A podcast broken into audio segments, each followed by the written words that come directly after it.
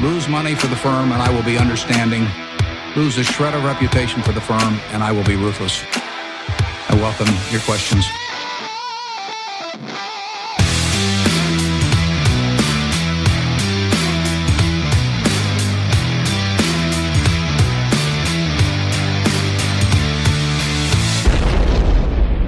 Hej och hjärtligt välkomna till Kvalitetsaktiepodden. Det är jag som är Ola.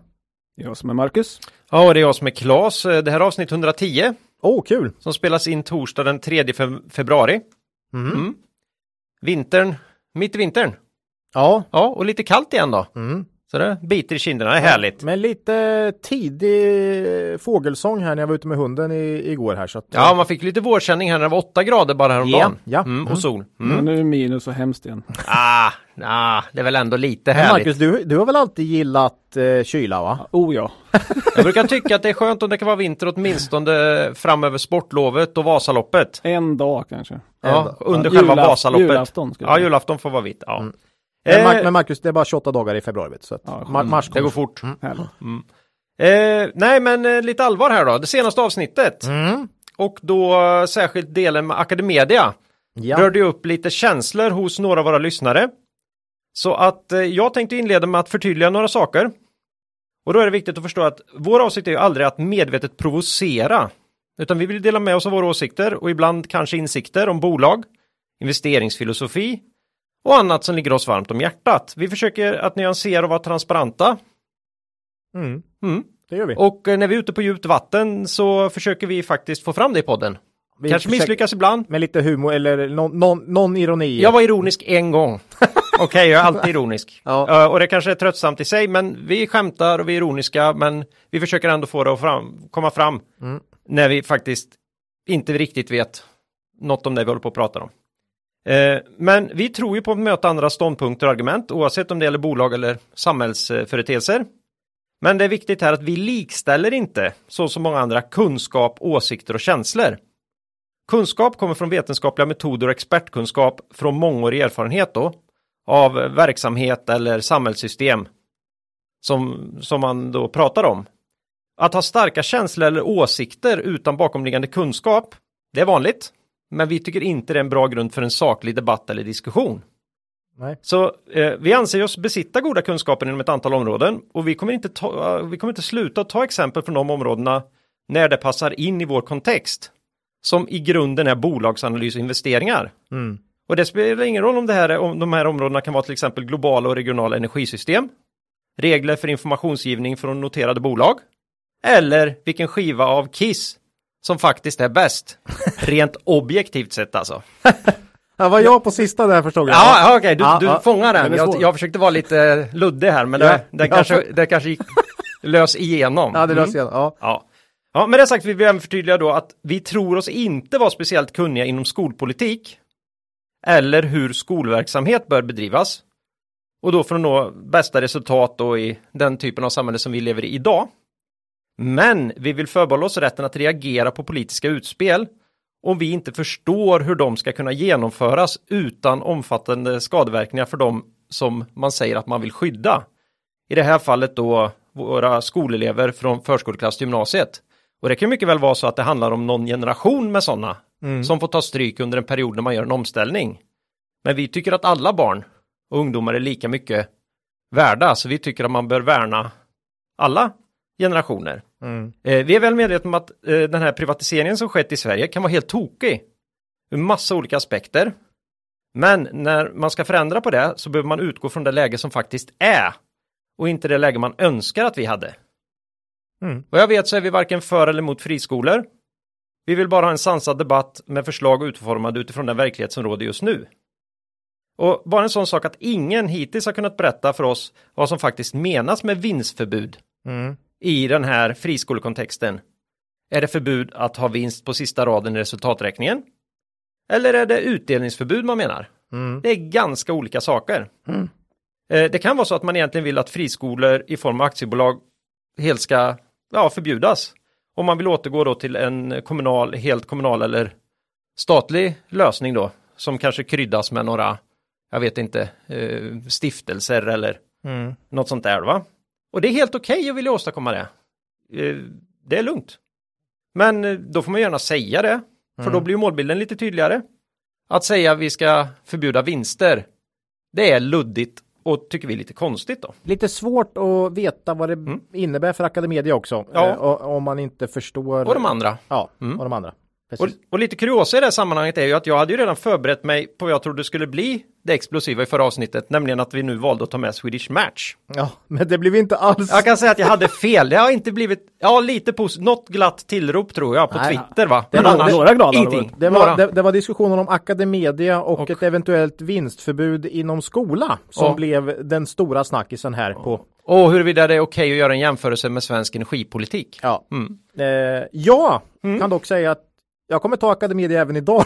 Jag vet, du, vi kan ju inte låta bli. Nej, Ja. så är det. Får vi se. Mm. Eh, ja, men vår avsikt är inte att göra folk upprörda eller Nej. ledsna. Nej, vi, vi, Och vi försöker vara sakliga. Ja, och vi är en podd om värdeinvestering först och främst Mm. och det är därifrån vi eh, försöker eh, skriva vårt material. Ja. Mm. Eh, ja, sen senast då så har jag ju skrivit det här brandtalet. Nej. Nej. Eh, egentligen har jag ägnat mig åt att få igång eh, en fungerande uppkoppling, eh, internetuppkoppling på familjens nya spelkonsol. Hörde detta? Ja.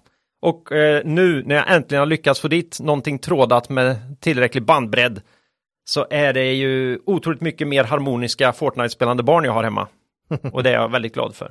Vad har ni? Vad har ni? Finns det harmoni, harmoni, harmoni, harmoniska Fortnite-spelare? Ja, jämfört med eh, Fortnite-spelande barn som helt plötsligt tappar uppkopplingen Ah, okej. mitt, mitt, i, Ja. mitt i steget. Nu rör sig inte gubben! Ja. Och Då- blir skjuten. Mm. Jag, hade, jag hade med tv-spelet till ett hotell här i, i lördags. Ja, Så min son fick testa Fortnite på ett hotell. Då sitter han och skriker De har bättre ping på andra sidan! Nej, det är inte bra alltså. Nej, det är inte bra. Det är liksom... Ja. Ja. Det är tufft. Så att, eh, ja, Fortnite rör upp känslor bland barnen. Ja. Och även bland vuxna säkert. Man vet ju aldrig riktigt om det är vad det är för ålder på de här som springer omkring. Nej, nej, nej. verkligen inte. Ja, nej, vi har faktiskt eh, målat om hemma. Mm. Det var därför vi var, spenderade helgen på hotell här för att slippa Ja, du blir nästan hög, trots att det är sådana här vattenbaserade färger nu Ja, för tiden så blev ja. det lite mycket även för Och dig. så har vi en hund som gillar stryka sig mot väggen också. Ja, så, vi, så vi valde det alternativet. Mm. ja, Ja, men det funkar bra för er. det gick bra ja. Ja. Har du hittat på något kul då, Macke? Ja, alltså jag, jag, jag tog en Espruta 3. Mm. Eh, Ja, just det. Det gick sådär. Jag Ja. blev helt sänkt. Eh, Feber och eh, supertrött. Eh, Det är absolut inget inlägg att inte ta spruta, det ska man såklart göra. Men, men jag blev helt sänkt. Ja. Men, men nu är jag pigg igen. Och nu är rapportperiod, så nu är vi glada. Det är många har ju fått värre men av, av själva sprutan än av den här omri, omikron eller vad ja, heter den det? senaste ja. Ja, Ja, jag hade det också jävla tufft när jag tog min tredje. Hade ja, du det? Ja, visst. Jag hade lite, lite ont i armen säkert. I, ja, säkert en dag eller Fan så. kunde ju knappt eh, ligga på vänster nej, sida. Ja. nej, den första natten, det var jobbigt alltså. Det är hårt. Det är hårt. på rygg va? Det är ja, hårt. ja, så kan det vara. Olika falla livets lotter. Jo. Eh, Handbollsmålvakt skulle man ha varit ändå. ja, ja fy alltså. Ja. Nej, men Så är det. utöver allt detta, Mm. så idag Ja. har vi ju som vanligt med oss vår huvudsponsor Cavalier AB. Ja. Mm. Cavalier har många strängar på sin lyra, men för den breda allmänheten är de mest kända för de två fonderna de förvaltar, nämligen Cavalier Quality Focus och Cavalier Investmentbolagsfond. Och under januari har Cavalier Quality Focus tagit eh, tagit in ett nytt innehav. Mhm. Eh, kvalitetsbolaget Avanza. Och enligt börsdata är omsättningstillväxten eh, ungefär plus 24, 25 procent per år de senaste sju åren. Och vinsttillväxten eh, under samma tid ja, 34 procent. Economy, inte så of- dåligt, econ- economy of scale. Ja. Mm. Mm. Eh, Peter Håkan förväntar sig fortsatt tillväxt på befintliga marknader med nya kunder och nya produktområden. Kan ju tyckas om man eh, lyssnar på den här på en lite högt bakåtblickande P. Vad är Men det här, ja, runt 22. Nej, det Men det här tycker ju de är mer än väl motiverat med tanke på den höga tillväxttakten Mm. som de tror ska fortsätta. Mm. Och då är det inte farligt. Eh, och det händer ju grejer även i Cavalier Investmentbolagsfond. Eh, och här har de för tillfället vinkat adjö till Latour då. Som eh, nu eh, har lyckats få till en premie på substansvärdet på hisnande 58 procent. Det är Mm. rejält. De har varit med på en lång resa där. Och istället då så har eh, investmentbolagsfonden ökat innehavet i Lundbergsföretagen. Och de handlas fortsatt med rabatt, runt 8% idag. Mm. Och är man då intresserad av investmentbolag och hur de handlas mot sitt underliggande värde så kan man precis som Peter Håkan på Cavalier använda den eh, förnämliga sajten ibindex.se, alltså IB-index som ett ord, inga bindestreck eller något utan ibindex.se som står för investmentbolagsindex. Eh, och eh, ja, Cavalier är numera en samarbetspartner även till dem. Mm. Så välkomna in i familjen får vi väl säga. Ja. Det är bra. Eh, ja, en, en viktig och riktigt bra tjänst som otroligt nog mig vetligen, vi, aldrig, vi har inte tagit upp det tidigare i men det är o, i, i podden, men är väldigt bra och väl samlad information om investmentbolag då. Och utöver det här då, så i investmentbolagsfonden så finns ju även konglomerat. Och det tredje största innehavet där då Mm. är ju Alphabet. Så är det. Jag hade inte riktigt koll på det här, men, men nu har jag. Och när jag hörde det här så tänkte jag, ja, men då måste jag säga något ord. Eh, för Alphabet är ju finaste bolaget i världen, enligt mig. I alla fall börsbolag. Kanske inte den som gör de bästa grejerna för mänskligheten, men som börsbolag betraktat. Eh, man kom ju med Q4 här häromdagen, eh, steg 7,5 procent. Eh, omsättning upp 32 procent, vinst upp 37,6 procent. Mm. Extremt starkt för så stort bolag. Man har ju söktjänsten som alla känner till, liksom söka på internet heter ju numera googla liksom. Mm. Ja, Det är ju det brukar vara ett bra tecken har vi ju sagt här. En mot När, när produkten eller tjänsten blir själva verbet för Melitta filter. Det är Ja. det som vi har. Mm. det är det man vill ha. Ja. Mm. Nej, det är en enormt stark position och eh, om du liksom inte kommer till på ranka bra på Google eh, inom e-handel så finns det ju i stort sett inte. Eh, så viktigt är det ju. Eh, man har ju molntjänsterna, växer jättestarkt, eh, börjar närma sig Amazon och Microsoft lite grann. Eh, de har ju Android som sitter i stort sett i alla mobiltelefoner utom Apple. Eh, här tar man inte betalt per telefon utan man förlitar sig på de intäkterna från Google Store. Då. Men det är en dold potential att man skulle börja ta betalt då för, Mm. per telefon. Det blir Jo. ganska många telefoner. Youtube har man. De har YouTube, Mm. enorm eh, tillgång. Jag kan ju bara se på mig själv och grabben. Vi spenderar Ja. rätt mycket tid på, på YouTube. Ja. Eh, man har ju Waymo, det är deras satsning på självkörande bilar. Eh, ligger väldigt långt fram, eh, framtidsområde. De har en enorm kassa, jag såg att DE angav den till 1150 miljarder. Ja, han- han inte dubbelkolla det, men det är ju rätt mycket pengar. Ja, det är mycket pengar. Men dela ut lite då, det vore ju gött. Ja, men de delar inte ut, men de återköper. De köpa. Eh. Okej. De har investerat i massa så kallade longshots som de kallar det. Till exempel forskning inom kvantdatorer och sådär. Kan ju bli något i framtiden.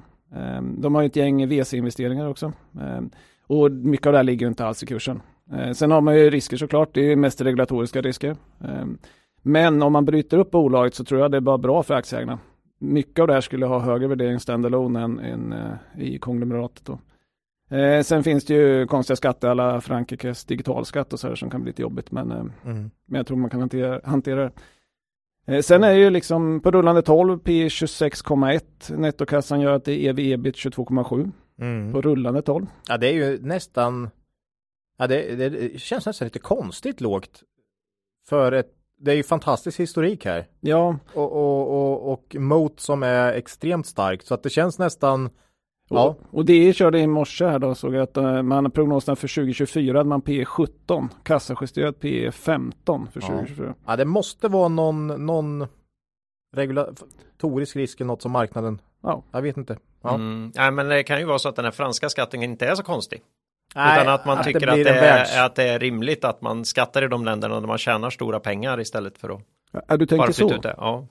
Den Men, här eh, 15-procentiga skatten man har pratat om globalt eller något. ja, det kanske är ett bättre väg att gå. Mm. Mm. Nej men absolut, det kan, det kan jag hålla, Ja. hålla, hålla Men nere. ändå, det är, det är ganska låg, eh, det, det, det är ju inget så här superhögt värderat eh, i, eh, IT-bolag i alla fall. Nej. Det, det kan man inte säga. Ja, men det orimliga är ju att man kan växa så här. Det är helt sjukt. Ja, jag känner mig eh, dum varenda gång jag ser det, för jag, jag hävdar ju att det går ju inte, men det går ju så att Ja, man har 20% snitttillväxt de senaste 10 åren och Ja. vinsten 21% upp. Nej, grymt. Nej, Eh, fantastiskt bolag. Sen, sen var 2021 väldigt starkt då. Men, men det är ingen given pandemivinnare för att eh, annonsaffären är ganska mycket hotell, resor och så vidare. Det har ju inte varit direkt Mm. hett. Eh, vi, eh, vi har ju inga i firman men jag har ett större innehav i pensionsportföljen. Ja, det är bra. men den har legat där länge och blivit stor så att säga. Ja, det är snyggt. Eh, men jag tycker den passar bra där. Köp vid dipp, släng bort nyckeln. ja. Mm. Eh, ger ingen utdelning men återköp en hel del så att det blir färre aktier att dela på. Men nu kommer det många aktier för att man ska göra en split här 1 till 20 då. Så snart kommer ner på hanterlig kursnivå också. Det brukar bra bolag göra. Så att, eh, spännande Mm. att följa och vi kommer följa upp dem igen när de blir nummer ett och tar över Apples position. Snyggt. Ja. Snyggt. Ja, där hittar vi en likhet då mellan eh, Macke och Cavalier. Ja, De har i tid eh, förstått alfabet. alfabet. Jag tänker fan bara på alfapet, det här gamla spelet när jag, eh, ja. Så du gick alltså och köpte ett alfabet? Nej, alfapet. Ja. Ja, det är en, trå- det är en Ja. tråkig miss att göra. ja. Det, blir, det blir lite som Forrest Gump när han köpte aktier i The Apple eh, fruktbol, eh, fruit fruktbolo- company. The Ja. Fruit Company. Mm. Fast du köpte alfabet istället. Alfabet. Så du köpte frukten. Det här eh, rosa spelet med brickor. Ja, Ja, men det är roligt. ja kul. Ja, nej, tack Bra. säger vi till vår huvudsponsor Cavalier AB och eh, när man går in och handlar i de här fonderna så ska man komma ihåg att historisk avkastning i fonder inte behöver vara en indikator på framtida avkastning och att man kan förlora delar av sitt satsade kapital då fonder kan både gå upp och ner i värde. Mm. Jaha, eh, då vill vi ju som vanligt också tacka vår eh, äldsta samarbetspartner Börsdata. Mm. Eh, det är ju värdeinvesterarnas bästa vän. Och nu i rapporttider så måste vi åter trycka på ett av de, ja, för oss bästa tillskotten i Börsdatas tjänst. Det är lite farligt där, allt är the most important thing här. Det, det blir samma sak med Börsdata, de bästa tjänsterna hos Börsdata, allt är bäst. Men de har kommit med en grej under de senaste åren som vi tycker är ju riktigt bra och det är ju möjligheten att ta upp bolagsrapporterna direkt i terminalen. Mm. Börsdata bjuder alla på senaste rapporten. Och, äh, även om man bara är, har en sån här, inte har något äh, abonnemang, äh, så kan man få en liten provsmak där. Men äh, jag tycker ju man kan skaffa sig ett premiummedlemskap. Då får man rapporterna två år tillbaka. Ännu, hell- ännu hellre göra som vi och ha ett provmedlemskap. Då har man alltså rapporterna tillgängliga tio år bakåt. Mm. Eller så länge bolaget varit på börsen. Mm. Och man, hitt, man kan ju också få både årsredovisningar och pro, prospekt från IPO här.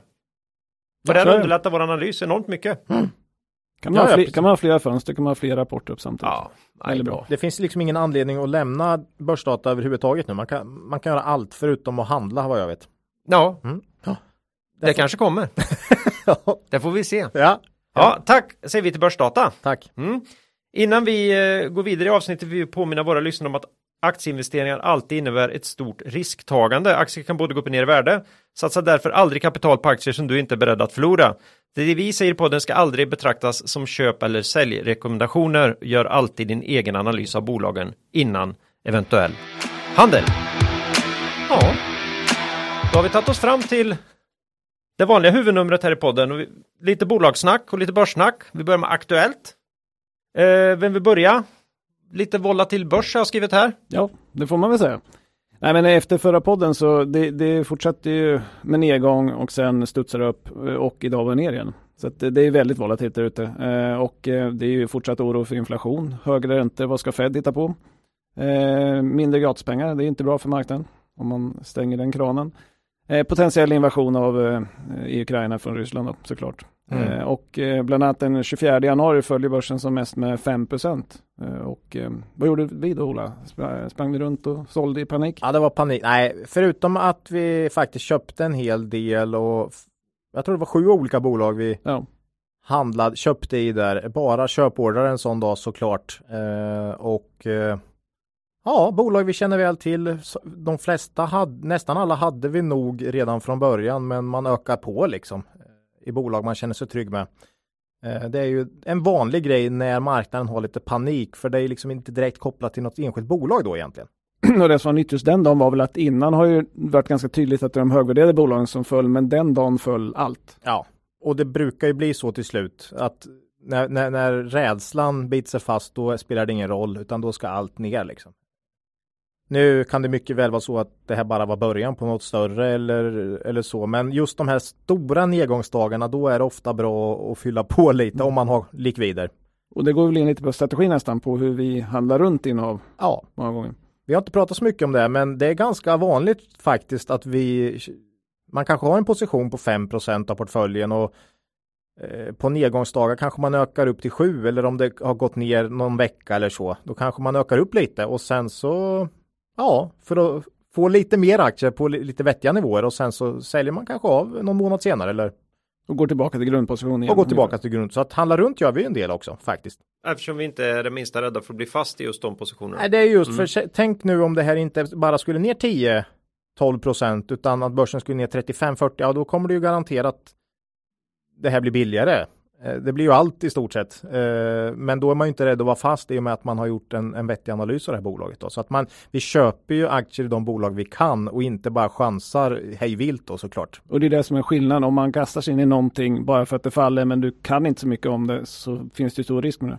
Ja, du, för det första har du ju kanske inte conviction och våga ligga kvar om det fortsätter rasa för du vet ju inte riktigt vad det är du har köpt. Mm. Eh, och dessutom kanske du också eh, inser senare att du har köpt ett bolag som som inte håller kvaliteten eller som påverkas väldigt mycket av det som händer just nu som pandemin eller ja. Så det är väl lite det vi utnyttjar kassan till. Ja, Att kunna variera lite gör, nu har vi haft lite väl mycket kassa sista eh, halvåret här men eh, mm. Mm. Ja. Ja, men en kommentar på det där. Va? Vi brukar inte prata så mycket om det här i, i, i podden och det är ju för att det kräver ju en ganska unik situation. Vi sitter ju i en väldigt unik situation här som ändå är nära börsen hela tiden trots att vi är långsiktiga Mm. eh, och ägnar oss mesta delen av tiden åt analys och leta bolag och lära oss mer om de bolagen vi redan har och så. Det är få som sitter där för det är ju inte så att det här händer varje dag men i perioder så kan det vara väldigt ja. eh, värdefullt att kunna vara lite mer aktiv. Ja. För risken för någon som inte sitter som oss med det här på heltid, som börjar avsätta tid för att sitta med börsen då kanske några timmar på morgonen och sådär, då känner man ju att ah, jag måste handla.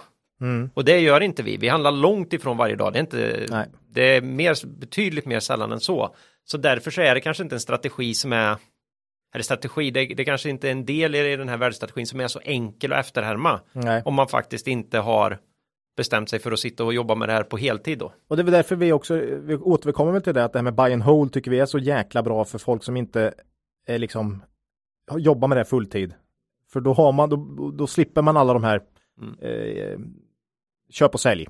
Mm. Och vi säger ju att nästa steg kan ju vara att vara lite mer, lite mer aktiv så att säga än buy and hold. Mm. Men sen kommer ett steg och det steget är ganska långt till att faktiskt sitta och, och handla runt då som vi gör i, i, i aktier som vi är trygga i eller bolag som vi är väldigt trygga i då. Mm. Men Men eh, det är definitivt en eh, väldigt lönsam Ja men det är utnyttja Mr Market igen Ja. som vi har pratat om. del. Ja.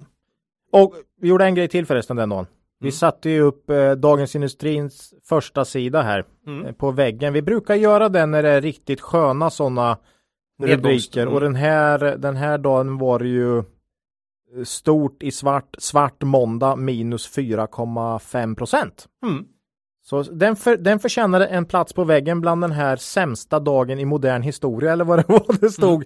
Det Eh, känns nästan lite överdrivet på 4,2 eller Ja, vad det var. 4,5. det är 4,5. Svart måndag. Mm, ja, men de vill väl också sälja nummer va? Väl- Absolut. mm. Ja, men det kan bli mer. Ja, eh, ja nej, men så den kom upp på vår, vår vägg här. Ja. Vi brukar sätta upp de här som Buffett, han har de här sämsta dagarna, sista hundra åren på väggen ju. Mm. Mm. ja, det är bra reminders. Ja, Mm. Eh, det var volatil börs. mm. Ja, Eh. nej, men eh, vi, vi sa ju att vi, vi sitter med en del kassa, men vi, vi sitter med kassa för att vi vill se Q4. Vi vill gärna ha en bra rapport i ryggen så att vi avvaktar lite där. det känns som riktigt minfält nu för alla tillverkande, ja, inte bara tillverkande bolag, men alla, väldigt många bolag som inte är väldigt extremt digitala. Eh, jobbigt med frakter och personal och ja, eh, tufft så att det, man vill gärna se här. Det är, det är framförallt tufft på marginalen så här långt. Det kopplar väldigt bra till nästa punkt. Ja, Mm. kör! Nej, för det är svårt att inte ta upp eh, prishöjningar och inflation här. Mm. Ehm, det kommer bli rapportperiodens tema, såklart. Eh, Mm. vi tar Essity som exempel då. Man kom den 26 januari med, eh, med sin rapport då för Q4. Man angav, angav att högre kostnader för råvaror, energi och distribution minskar marginalen med 10,4 procentenheter. Mm. Inte procent, 10,4 procent, procentenheter Ja, det- 10,4. Det är vad helt har man då i, vad har mycket. man i rörelsemarginal egentligen? Ja, jag, jag vet inte vad man hade innan, men det är galet mycket. Men sen, sen sa man att vi har högre vol- volymer, högre försäljningspriser, bättre mix, eh, kostnadsbesparingar påverkar positivt. Så att därför sjönk det bara 34% resultatet. Mm. Eh, men det är ju liksom en enorm påverkan när man får 10,4% enheter. ja. Så El också, antar jag. Ja, de sa inte el, Nej, men, okej. men det borde ju varit, ja de sa energi. Energi. Så Mm. går- går Energi under- och inköp. Ja, fanken. Mm. Tufft. Mm. Så att det där kommer ju bli liksom Ja. många bolag som varnar för det här. Eh, Men och, det här, det här är väl övergående va? Ja, de säger det, vissa i alla fall. Inte Essity Allt- dock. Nej. Nej. Nej. oh. Tyvärr allt mindre och mindre för nu, nu hade det varit skönt på de här nivåerna hade man gärna sett att det är övergående men Mm. Jag tror Hartman hoppas på det också. ja, Ja. verkligen.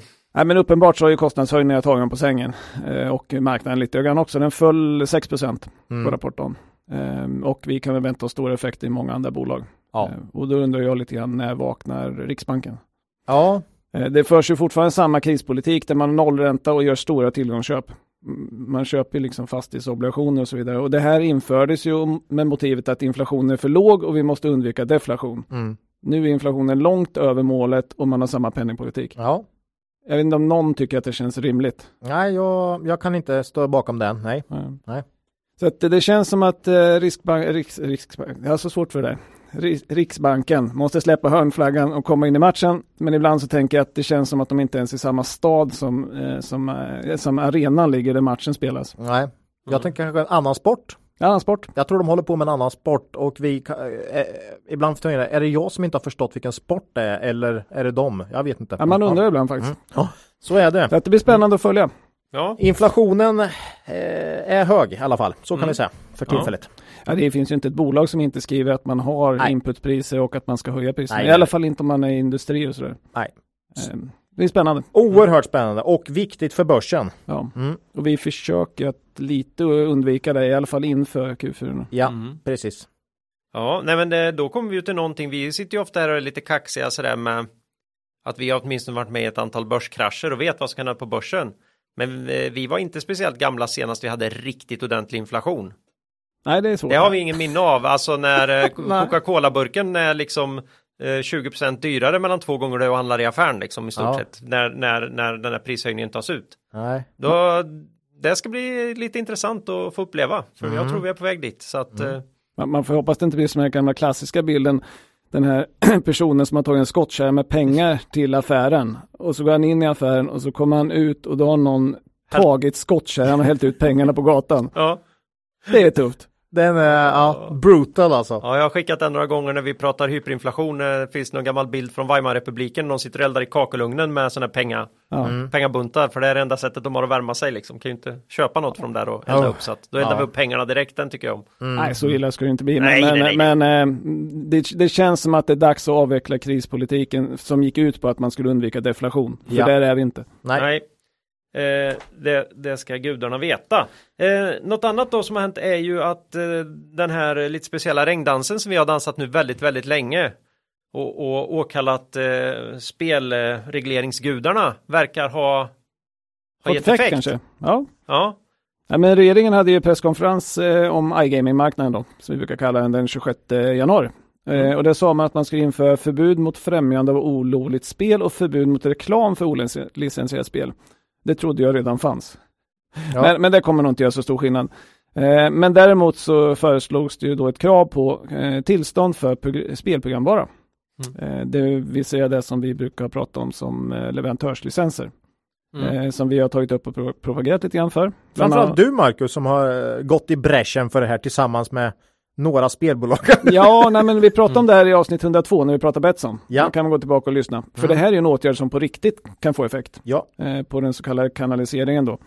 Eh, och det här går ju ut då på att spelleverantörerna måste välja på att antingen leverera till den vita marknaden, eh, 75 till 90 procent, lite beroende på hur man frågar. Mm. Eh, eller så, så, så får man bara leverera till den svarta grå marknaden. Eh, och leverantörer av storlek och kvalitet som Evolution till exempel, det är ett solklart val, man måste ju köra vitt. Eh, och de som då ska köra på gråa svarta marknaden, då blir det second tier spel. Eh, och då är väl väldigt rimligt att anta att eh, de som spelar på den typen av spelbolag kanske tänker igen och eh, går över till den, den vita marknaden, den reglerade, reglerade marknaden. Och det är ju bra för alla.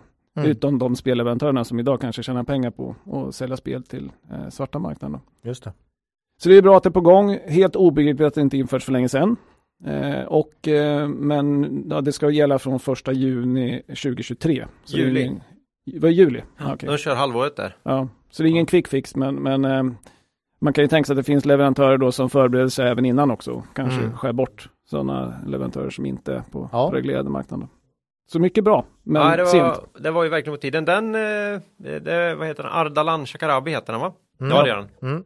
Eh, det är en vettig presskonferens faktiskt. Jag tror att om man hoppar frågorna på slutet så kanske 10 minuter. Okej. Eh, tyckte det var informativt. Eh, också det här med att man ska liksom värdera spel, det här med förbudet mot reklam. Mm. Man ska liksom höja kraven ju farligare spelet är. Okej. Och det här som vi brukar prata eh, fin och ful. Fil, Det är- fin och fulspel. Det är väldigt tydligt att kasino är fulare. fult och vissa kasinovarianter är fulare än andra. Mm. Medan spel eh, på sport och så här oftast eh, funkar bättre. Det är betydligt färre som utvecklar spelmissbruk där. Mm. Eh, och det, det är inte svårt att tro på och förstå. Så kasinoreklam kommer nog bli ganska hårt hållet. Mm. Och man kommer även ge sig efter reklam som eh, kommer från utlandet. På ett sätt som man inte riktigt har orkat med tidigare och kanske tyckte var svårt. Men nu, nu får det vara nog så att säga. Mm. Men det som skiljer lite grann är att då inför man ju hårda regler men man hindrar de Mm. eh, grå och svarta spelarna i och med att man, man inför det här kravet på att man får inte ha vissa typer av, eller kan ha vissa typer av spel där. Ja, det är det viktigaste här. Ja, och då får man ju kanaliseringen hög och då biter ju åtgärderna mycket bättre än att man inför jättehårda krav på de som har licens och så fly, flyttar spelarna ändå. Liksom. Ja, jag får återkoppla lite till mitt tal här i inledningen så vad man vet mycket om och inte men så som de räknat kanalisering så misstänker jag att de kommer få en kanalisering över 100% nu. Ja, men det är i alla fall bättre än vad det är idag, så att Ja. det, det är ett bra förslag för en ja, det är toppen. Jätte, jättebra. Men, men eh, obegripligt att det skulle och- ta flera år. Mm. Och att man har lyssnat på branschen som har bett om det här så länge då.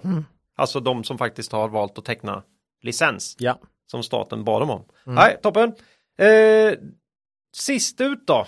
Ja, Någon liten eh, ett bolag som affär? jag tror jag aldrig har nämnts i podden överhuvudtaget förut. Ehm, Mm. Och det är ju MTG. Det är ju ett eh, mindre innehav för mig i pensionsportföljen då.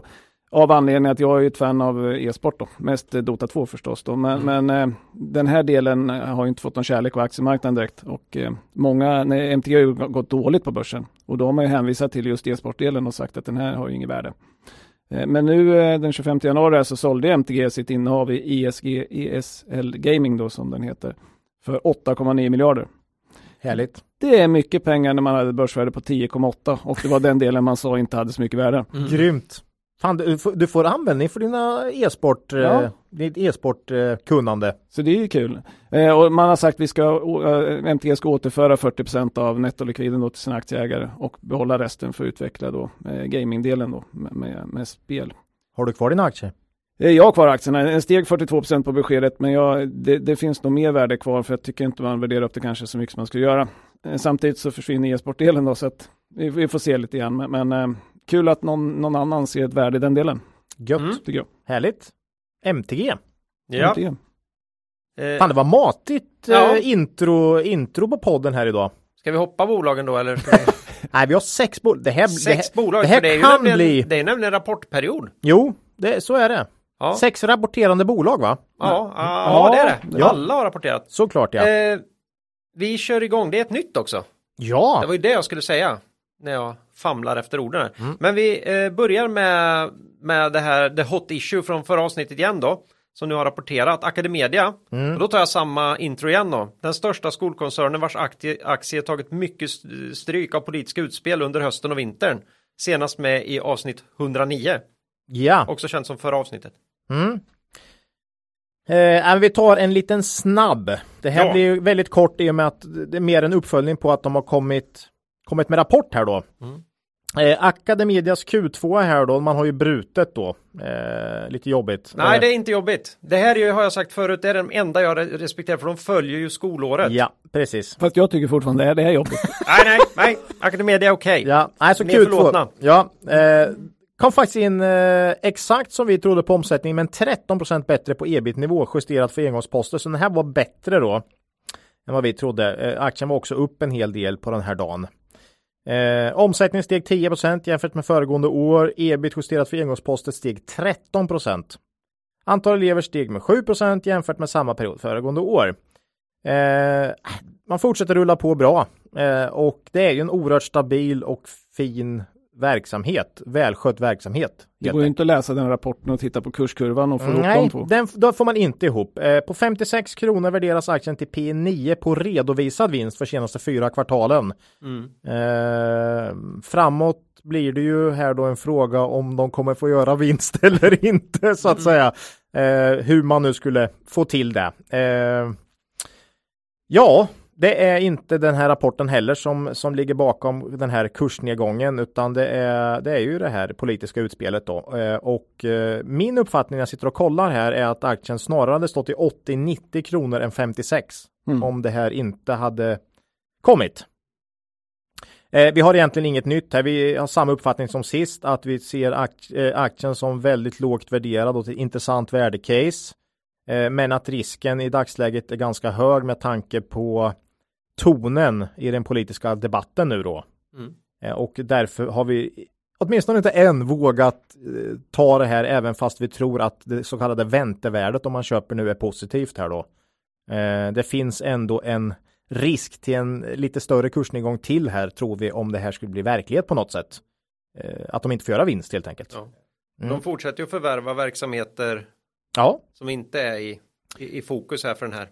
Mycket intressant och det kommer ju ett inget stort direkt men ändå intressant här då. Gobok, eller det hette Sandviks AS, ett norskt bolag men de har ju den här Go, Goboksbokklubben med 40 000 medlemmar då i Norge och Sverige. Där vi också faktiskt var medlem med vårat, våran son där. Mm. Eh, intressant, jätteviktigt att de breddar sig här nu just eftersom det är den här politiska risken Sverige som har som har sänkt aktien här nu så är det viktigt att man får in andra ben och breddar sig i andra länder. Så tillväxt i Tyskland gillar man ju, man gillar sådana här förvärv, så att eh, helt rätt. Eh, ja, eh, inget särskilt nytt. Academedia fortsätter gå bra och vi har inte vågat köpa in aktien än, men eh, kolla gärna på det om ni är eh, sugna. För mm. det, det, kan vara ett bra case eh, i en långsiktig portfölj faktiskt, tror vi. Mm. Och bra med ett förvärv och det kan komma mer. Det kan komma mer, precis. Mm. mm. Får vi se vänta med spänning på valet. Mm. Mm. Inget, inga aktier i eh, bolaget men väl i, i alla fall i min pensionsportfölj. Tror inte jag har något. Nej, jag har inget. Nej. Nej. Då sitter jag på den alltså. Snyggt. Aj, aj, aj, aj, aj. Skolklas. Skolklas. Oh. Men du har oh. väl barn i de där skolorna antar jag? Ja, det är väl det. Jag är kraftigt biased där då. Ja, det är ja. lite tråkigt. Mm. Nej, men det, det får bli en, mm. den fortsätter gå bra.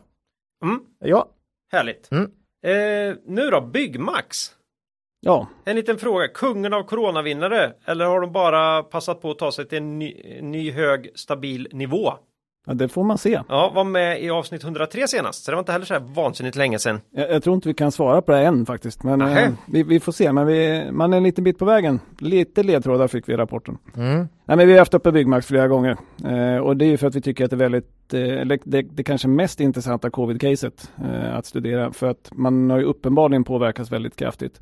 Eh, och hur kommer då ja, omsättning och resultat bli för bolaget men även hur kommer marknaden reagera när man då sen eh, ser hur det blir så att säga. Eh, nu kommer ju med Q4-rapporten 26 januari här och kursen reagerar negativt och föll 6% trots en positiv börs den dagen. Så hur var rapporten då? Mm. Jo, nettoomsättningen ökade 6,5% men organiskt så minskar man 5,6 då.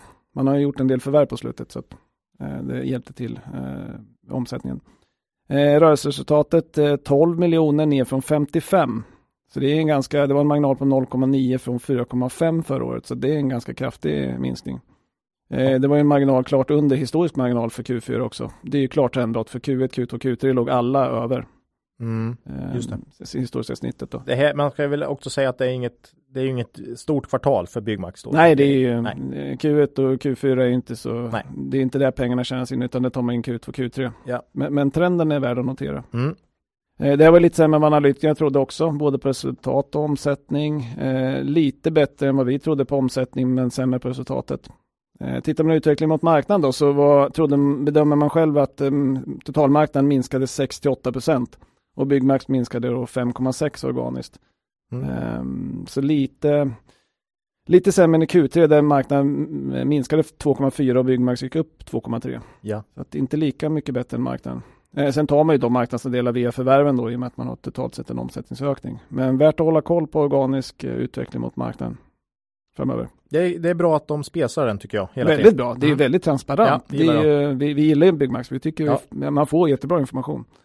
Um, Sen en förklaring till marginaltappet då i Q4 tror vi kan vara den här organiska omsättningsminskningen då eftersom lägre omsättning ger mindre, eh, ja, man kan inte sluta fasta kostnader på lika stor omsättning då och slå mot marginalen. vilket vi tyckte såg då. Mm. Eh, bolaget tryckte på det i rapporten och på konfkålet på att det här nyförvärvet av norska Right Price Tiles eh, är, är, viktigt då, eh, som gjorde förra året. Eh, för här har man en verksamhet som inte är säsongsberoende på samma sätt. Eh, man, kan lägga, man kan byta kakel även på vintern. Ja, det känns ju bra. Ja, Mm. för man har ju varit extremt eh, säsongsberoende. Ja. Eh, och det här bolaget har också en eh, mycket bättre bruttomarginal än resten av Byggmax. Så det hjälpte till att bruttomarginalen totalt sett faktiskt gick upp lite i Q4. Jaha. Eh, trots allt. Eh, och nu ser man att man ska försöka expandera det här konceptet då till resten av de nordiska länderna, för de finns ju bara i Norge hittills då. Eh, primärt Sverige, men även e-handeln då. Eh, generellt sett så har vd Mattias Ankerberg som ger ett väldigt stabilt och bra intryck tycker jag.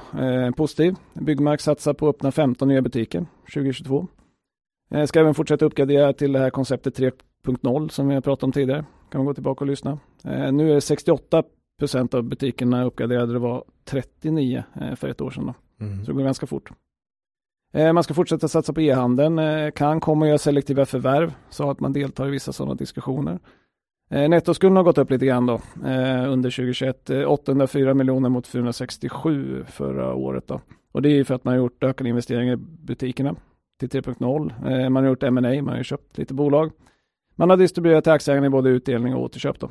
Mm. Eh, Här ska man komma ihåg att det här är ju jättemycket bättre nivåer än vad vi eh, Alltså vi trodde de skulle behöva kämpa länge för att ta sig hit Mm. Absolut. i, innan innan pandemin kom Ja, och, och nu har man verkligen gjort eh, kanske riktigt riktigt bra förvärv och utdelning och, och utdelning och, återköp. ja. nej det är det är ett helt annat bolag idag Ja, det är ja. vad fort det kan gå Mm.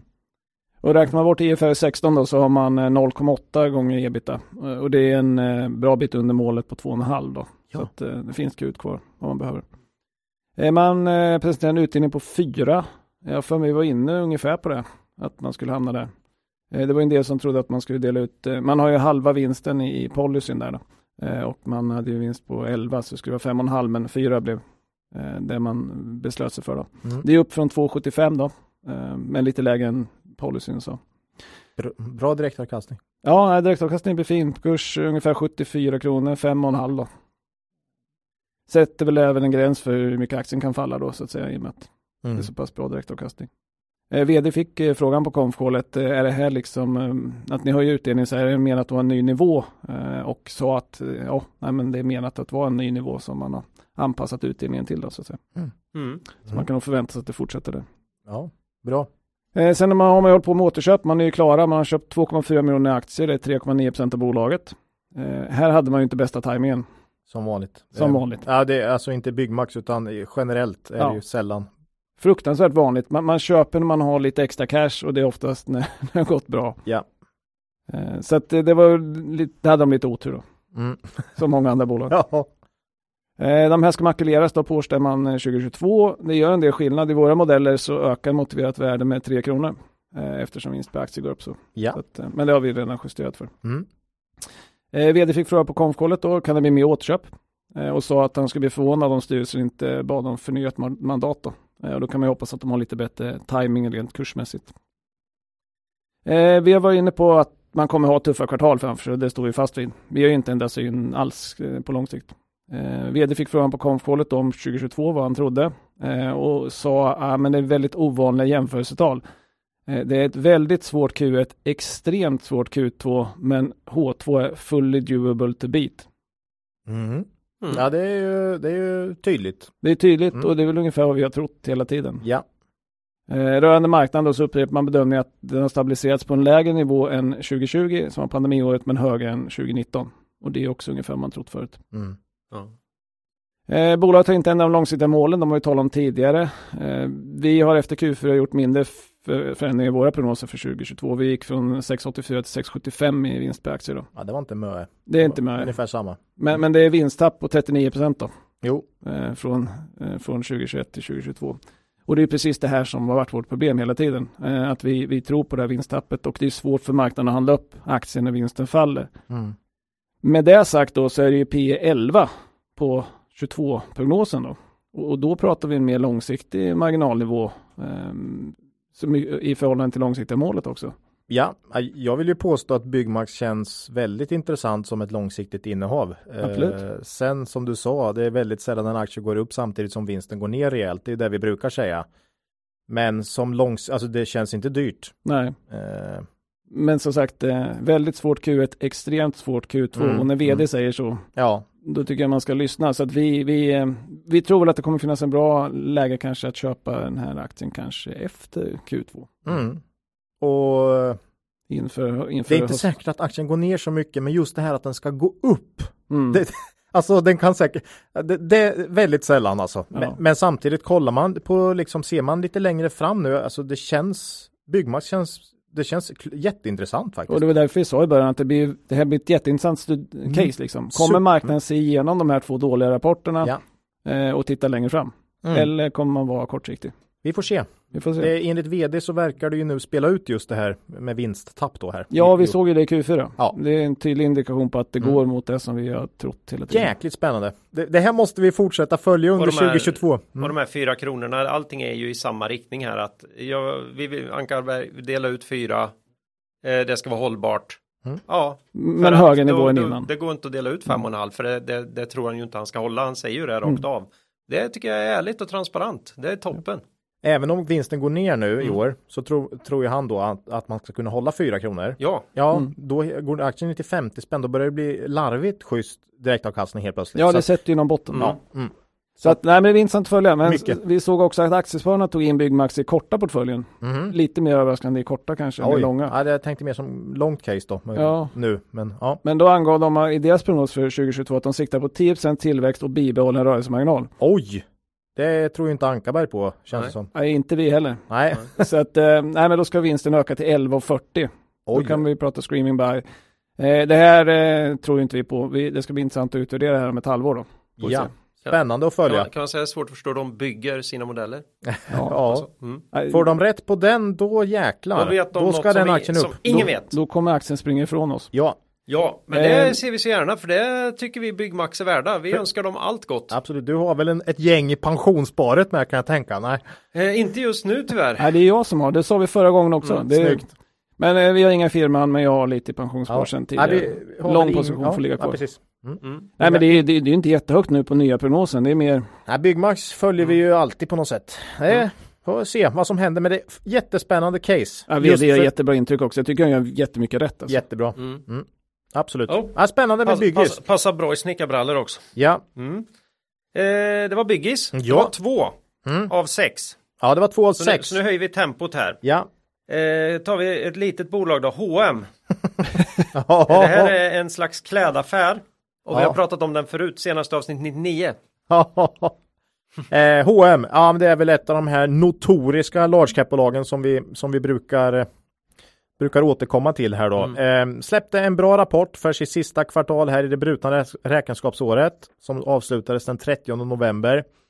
Jag, är faktiskt lite, jag var lite stolt där på morgonen för jag satte faktiskt ebit exakt i min prognos på, pro, pro, på, ja, på 0,13 procent ifrån den och sådär. Det är bra. Nej, det, och det är ju något vi sätter stort värde på i, Mm. i, här, att, att, att, att få hyggligt rätt. Det är ju lite vår affärsidé ändå på något sätt. Att det- gissa rätt om, om framtiden va? Ja, det, det är, du, har, du har tänkt på det Ola, att det kan vara så att om man gör prognos på väldigt många bolag Ja. så ökar chansen att man ska få rätt på något ibland. Du, det är ingenting du har. Boo! Ja, ja. Eh, precis. Omsättningen upp 8% jämfört med samma kvartal föregående år. Vinsten steg kraftigt, men då ska man ju komma ihåg det här med pandemin och så då. Eh, jag gjorde den här jämfört med 2019 som vi har gjort på en hel del bolag. Den är bra. Eh, den tycker jag är bra. Då minskar omsättningen med 8% så man är fortfarande en bit kvar då. Ebit dock upp 16% jämfört med samma kvartal 2019. Det är bra. Så att där är man liksom om nu då. Eh, så lönsamheten starkt upp, får man ändå säga. Och E-handeln måste ha ökat jättemycket. e-handeln har ju ökat såklart och kanske lite lägre kostnader. Sen pratar man ju om de här eh, avtalen med alla butik, alltså hyresavtal Mm. som jag nog tror att man kan förhandla ner och har gjort under pandemin löpande faktiskt. Jag tror det finns en långvarig effekt. Ja. eh, För att man har haft en ganska stark förhandlingsposition. Ja. Eh, Och den kan nog vara kvar. För nu har man ju börjat stängt butiker på många ställen också. Då får man ju mer att trycka på mot Mm. hyresvärdarna. Leverage. Ja, precis. Så, att äh, lönsamheten upp äh, här faktiskt och äh, ja, starkt. Omsättningsväxten klart starkast i UK och USA, så inga små marknader då. Mm. Äh, Kina klart sämst. mm. Det har vi pratat om här i podden att man är i lite lite, lite, man, lite bojkottad är man i Kina, ja. så kan vi säga. Finns en politisk anledning. ögat ja, det, regimen. det finns en liten fade mellan, mellan H&M är inte huvudsponsor för OS, ska vi säga så? Nej, så kan vi säga. Så kan vi säga. Eller ja. det kinesiska partiet på något nej, sätt. Nej, inte heller. Man, nej, nej. Eh, Kina minus 40 procent då. Så där har man ju tappat mm. mycket. Mm. Eh, H&M fortsätter minska antalet butiker, minus 4 procent i Q4. Mm. Eh, där var det ju alltid historiskt en stenhård korrelation mellan antalet ökade butiker och omsättning ju. Mm. Men den finns ju inte riktigt längre. Men, men det är här som är intressant, är att här... man har ju faktiskt börjat stänga ner det som inte är lönsamt och öppnar där man ser väldigt bra möjligheter. Mm. Ja, så, så, antalet butiker minus 4 då i Q4. För 2022 avser man att minska antalet butiker med netto 120 stycken. Eh, ja, så det är liksom hela tiden, varje år så minskar man faktiskt lite. Man öppnar 240 tror jag och så stänger man Nej, man öppnar 120 och stänger 240. Det kan ju visa sig att den här krisen faktiskt blir bra på sikt för H&M. Att man ja. just eh, snabbar på det arbetet. Övergång man... till mer digital verksamhet. Man går in på fler och fler marknader digitalt. Mm. Så ja. 6,50 i utdelning säger man, betalas i två omgångar. 3,6 procent direktavkastning på kurs 181. Eh, vet inte vad den står i just idag, men eh, Ja, och dessutom föreslår man här för första gången som jag känner till ett återköpsprogram faktiskt. Mm. Jag tror inte man har gjort det förut. Mm. Så spännande. Elaka röster talar om det Perssons sätt att ja. inte bara återinvestera utdelningen utan även. Precis. Kanske mm. det mest intressanta ändå här i, i Q4 var nog det här kommentaren och snacket om de långsiktiga målen här som man faktiskt pratade om. Säger man att man ska dubbla omsättningen till 2030 och eh, då får jag en årlig omsättningstillväxt på 8% per år. Inte omöjligt. Inte omöjligt. Lönsamheten ska överstiga 10% över tid och då är det ebit-marginal då. Eh, den här ambitionen att nå lönsamhetsmålet säger man då 2024. Mm. Eh, och det tyckte jag kändes något svagt. Jag hade trott på det åtminstone något år innan där faktiskt. Analytikerna hade också trott på det redan 2023. Eller så är det bara att man vill var försiktig. Det är lite lowball. lite lowball, kan vara, jag vet inte, men jag tyckte jag, jag hade hopp, nog hoppats på 23 åtminstone. Eh, eh, ja, H&M för 2022 uppskattar jag P i runda slänga 20. Mm. Eh, och eh, vad ska då H&M värderas till? Och det är ju som vanligt den här nöten. Mm. Och där man säkert tvistar i marknaden. Eh, om vi antar att man mäktar med sina mål till 2030, eh, alltså fördubblad omsättning med ebit-marginal på över 10% så tror jag att vinsttillväxten blir ungefär 10% per år. Man ökar lönsamheten en del och omsättningen med 8% per år. Eh, och då har vi sagt att eh, ett bolag som ökar vinsten med 10% per år ska värderas till P15 om man har ett avkastningskrav på 10% och en ekonomisk livslängd på 15 år. Eh, jag argumenterar dock för att H&M bör värderas lite högre än så här faktiskt. Eh, men ett globalt bolag, starkt varumärke, stabil verksamhet, bra finanser och en ökad digital del här eh, tycker jag känns intressant. Jag kan nog tycka 17 är motiverat och marknaden kan säkert sätta ännu högre än P 17. Jag menar hur många har avkastningskrav 10 det lär det ju inte ha varit under 2021 i alla fall med tanke på de värderingarna som många bolag har haft. Det tror jag inte. Så mm. att det kanske är 5% och sätter du 5% som avkastningskrav, ja, då är P 22 motiverat med en tillväxt på 10 mm. Så att marknaden kan säkert sätta ett högre P än 17, men jag tycker nog 17 någonstans. Jag måste ändå landa i att summa summarum, jag tycker H&M känns hyggligt rätt värderat i dagsläget och lite intressant och ska jag säga, det känns som att de nu är på rätt väg mm. eh, och kan ha några intressanta år framför sig. Eh, sen tycker jag att marknaden värderar bolaget hyggligt rätt ändå. Mm. Eh, kul för Sverige, alltså jag gillar när det går bra för de här stora eh, ikonerna på något sätt. Det här är ju naturligtvis ett jätteintressant case om vi skulle få en eh, ihållande inflation här. Mm, absolut. Här, här finns det ju pricing power Eh, definitivt. Mm. Eller, ja precis, och i svagare tider så brukar H&M gå bra. Mm. Lågpris, Ja, ja. mode. Eller var väl Byggmax inne på tror jag i förra rapporten. Mm. Man sa att eh, om det blir inflation så är lägsta segmentet prismässigt och det högsta som brukar klara sig bäst. Intressant. Mm. Mittsegmentet får störst problem. Ja. Ja, äh, det var inte mycket mer om H&M. Eh, tuffa på bra här. Mm. Mm, vi äger inga, eller nej, jag tror inte jag har privat heller, men inga aktier äger vi här i bolaget. Jag var tvungen att kolla, jag har faktiskt en, en slatt i, i pensionssparet. Ja, Mm. Sen, sen länge. det ska man ju mer, nästan. mer bevakningspost med Mm. storlek. Ja, ja, ja, nej men så är det. Så är det. Det är om H&M. Bra. Eh, vi hoppar vidare här eh, till Enea.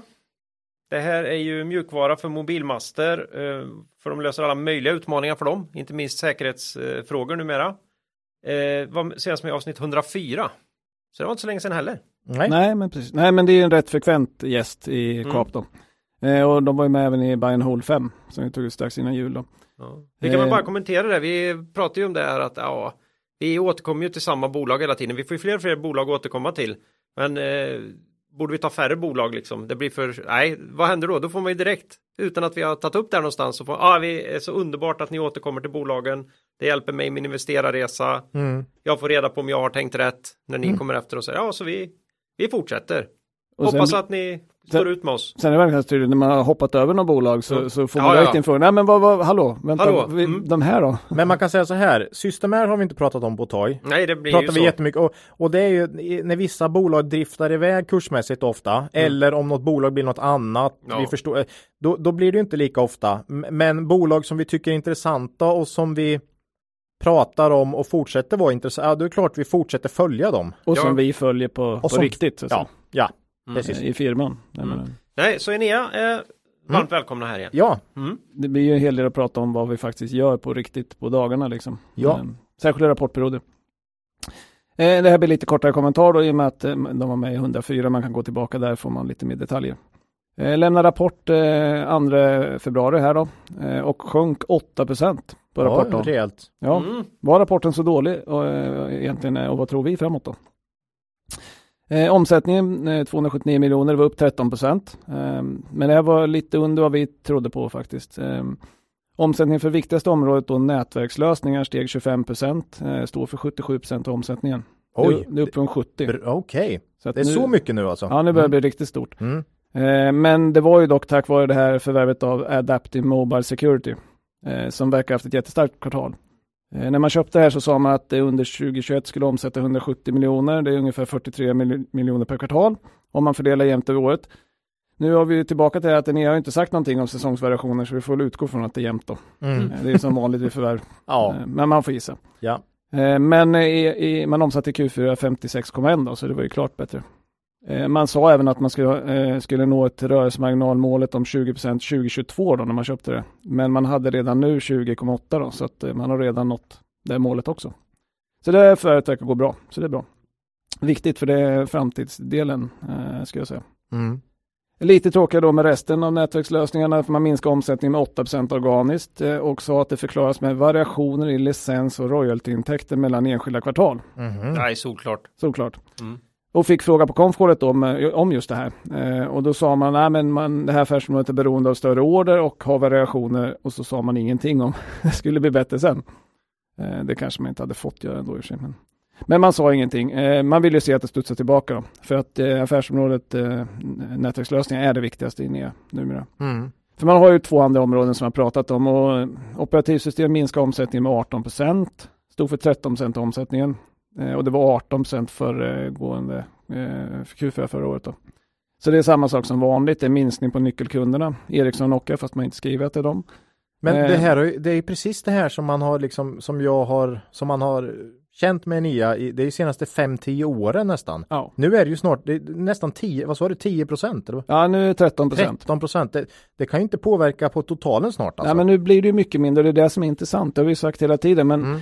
Eh, Och nu är det 77 procent som är nätverkslösningar. Så Ja. att vi, vi är verkligen på väg till att Det blir eh, det nya. Det immateriella, de Ja, här ja. smådelarna. Ja. För den här delen fortsätter gå ner. Man, eh, det är ju problemet att kunderna kör med öppen källkod i systemlösningarna och därmed så, så minskar omsättningen för, för, för NEA.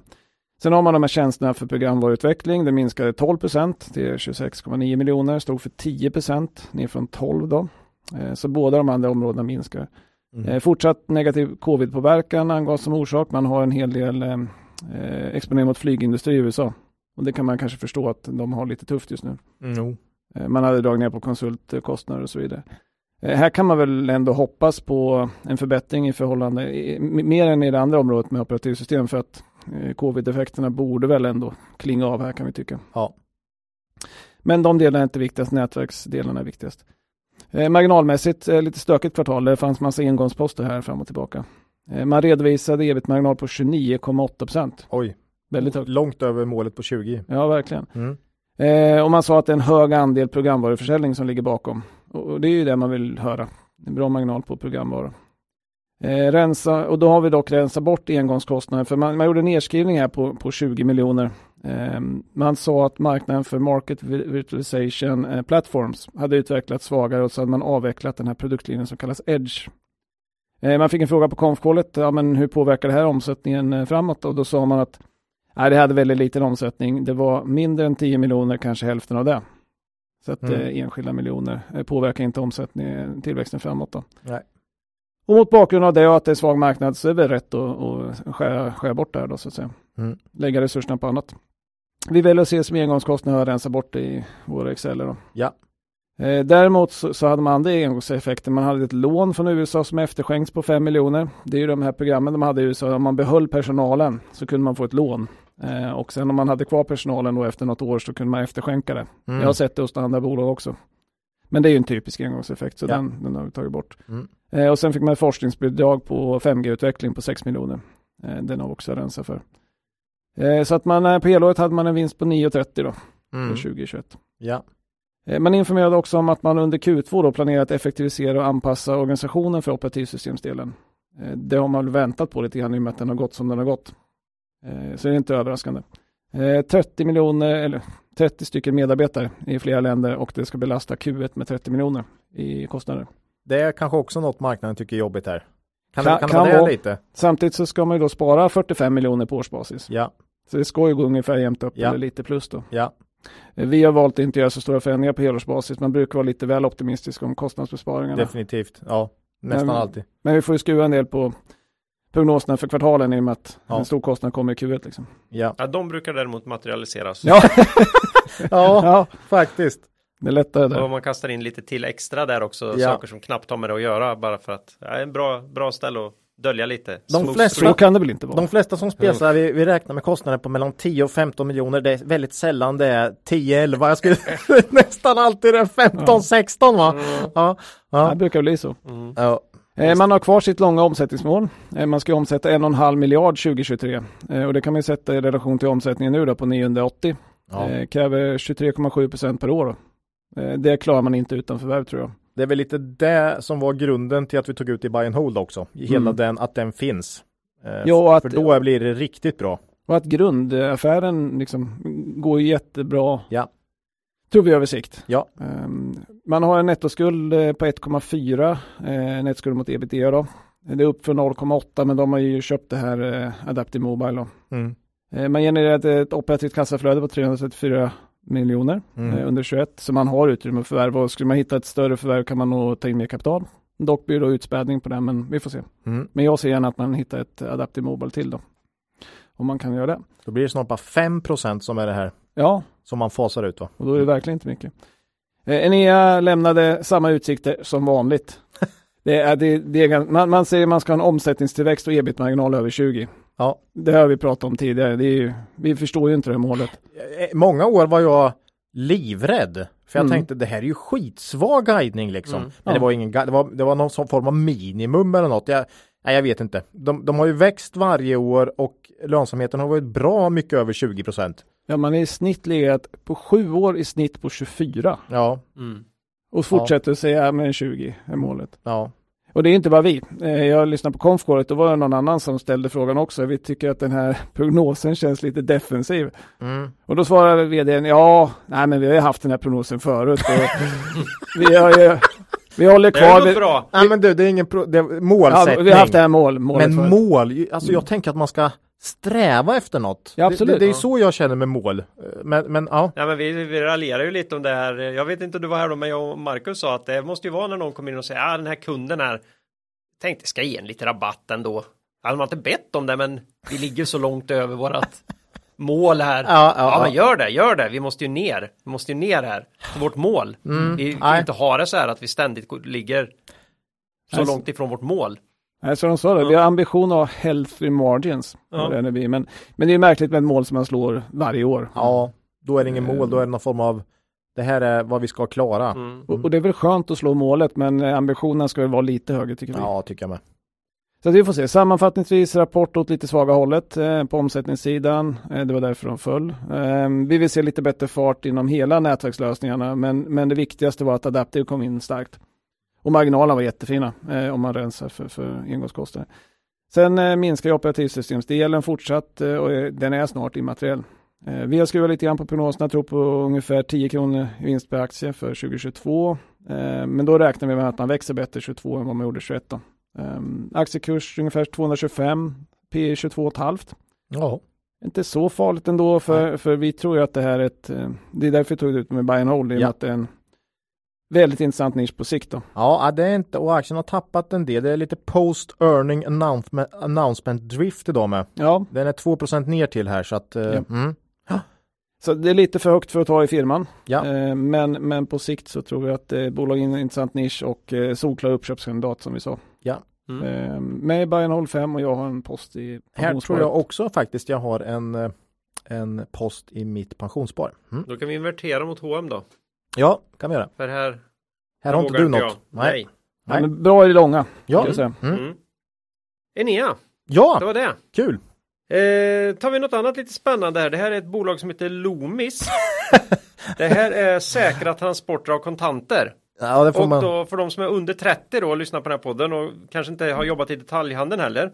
Nej, Så kontanter, det är kan det? ju enklast beskrivas som färgglada papperslappar med bilder på gamla avlidna människor. Som andra gamla människor gillar att samla på. Ja. Ja, har inte varit med på jättelänge. Avsnitt 85 eh, var faktiskt eh, nästan exakt ett år sedan. Ett år sedan. Jag tror det diffar på en dag.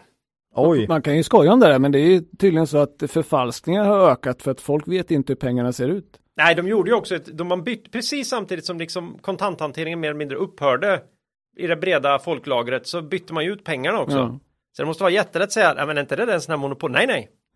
Det där är en, Nej, det är det, här är en monopol. 50-lapp. Jag lovar. Ja, Men nej det, då. men det står ju alga på den. Ja, ja, men ja, det gör det nu. Det gör det nu. Evert Taube jobbar där. Nej, jag vet inte. Nej, men de ser faktiskt lite, det är lite konstigt att hantera kontanter nu. Ja. Mm. Eh, Så det här går väl åt skogen fortsatt? Nej, ett år sedan vi hade med dem så. Ja, den är upp 30 procent senaste 12 månaderna och 11 procent i år. Men då ska jag säga att den är upp 11 procent idag. Så det hela den uppgången kom idag då. Ja, vad härligt. Så, så kan vi säga. vad hände idag då? Jo, de släppte en rapport faktiskt. Sin Mm. Q4 i morse. Och den här togs emot bra marknad. Det är faktiskt dagens vinnare här på Stockholmsbörsen. Och eh, vad man kan säga då är väl att eh, börsen inte fokuserar särskilt mycket på Loomis Pay för tillfället i alla fall. Ja, den här nya heta tjänsten de lanserade för ett och ett halvt år sedan. Just det. Mm. För då hade den nog inte varit Det upp- nya affärsområdet. Ja, Mm. eh, segment kallar de. Segment, de har förlåt. tre, tre segment. Två segment på ungefär 10 miljarder var. Mm. Och ett segment på 10 miljoner. har de. Lite mindre. Nej, det är lite, lite mindre. Nej, nu ska jag inte raljera för mycket, men det, det känns lite småskämmigt faktiskt, tycker jag ändå när jag sitter och, eller Jo, jag, lite som när jag kollar på Idol, de här som, eh, ja, det gör lite ont Som ibland. tror faktiskt att de kan sjunga, som inte bara är där och spexar, Ja. utan på riktigt tror att det de kan. gör, man skäms å deras vägnar. Den va? Mm. Eh, känner jag här. Alltså man har nu då hållit på med det här ett och ett halvt år och man har 11 miljoner i omsättning för 2021. Jag kollade upp ICA Nära i Virserum här som någon form av jämförelse här. Var ligger det?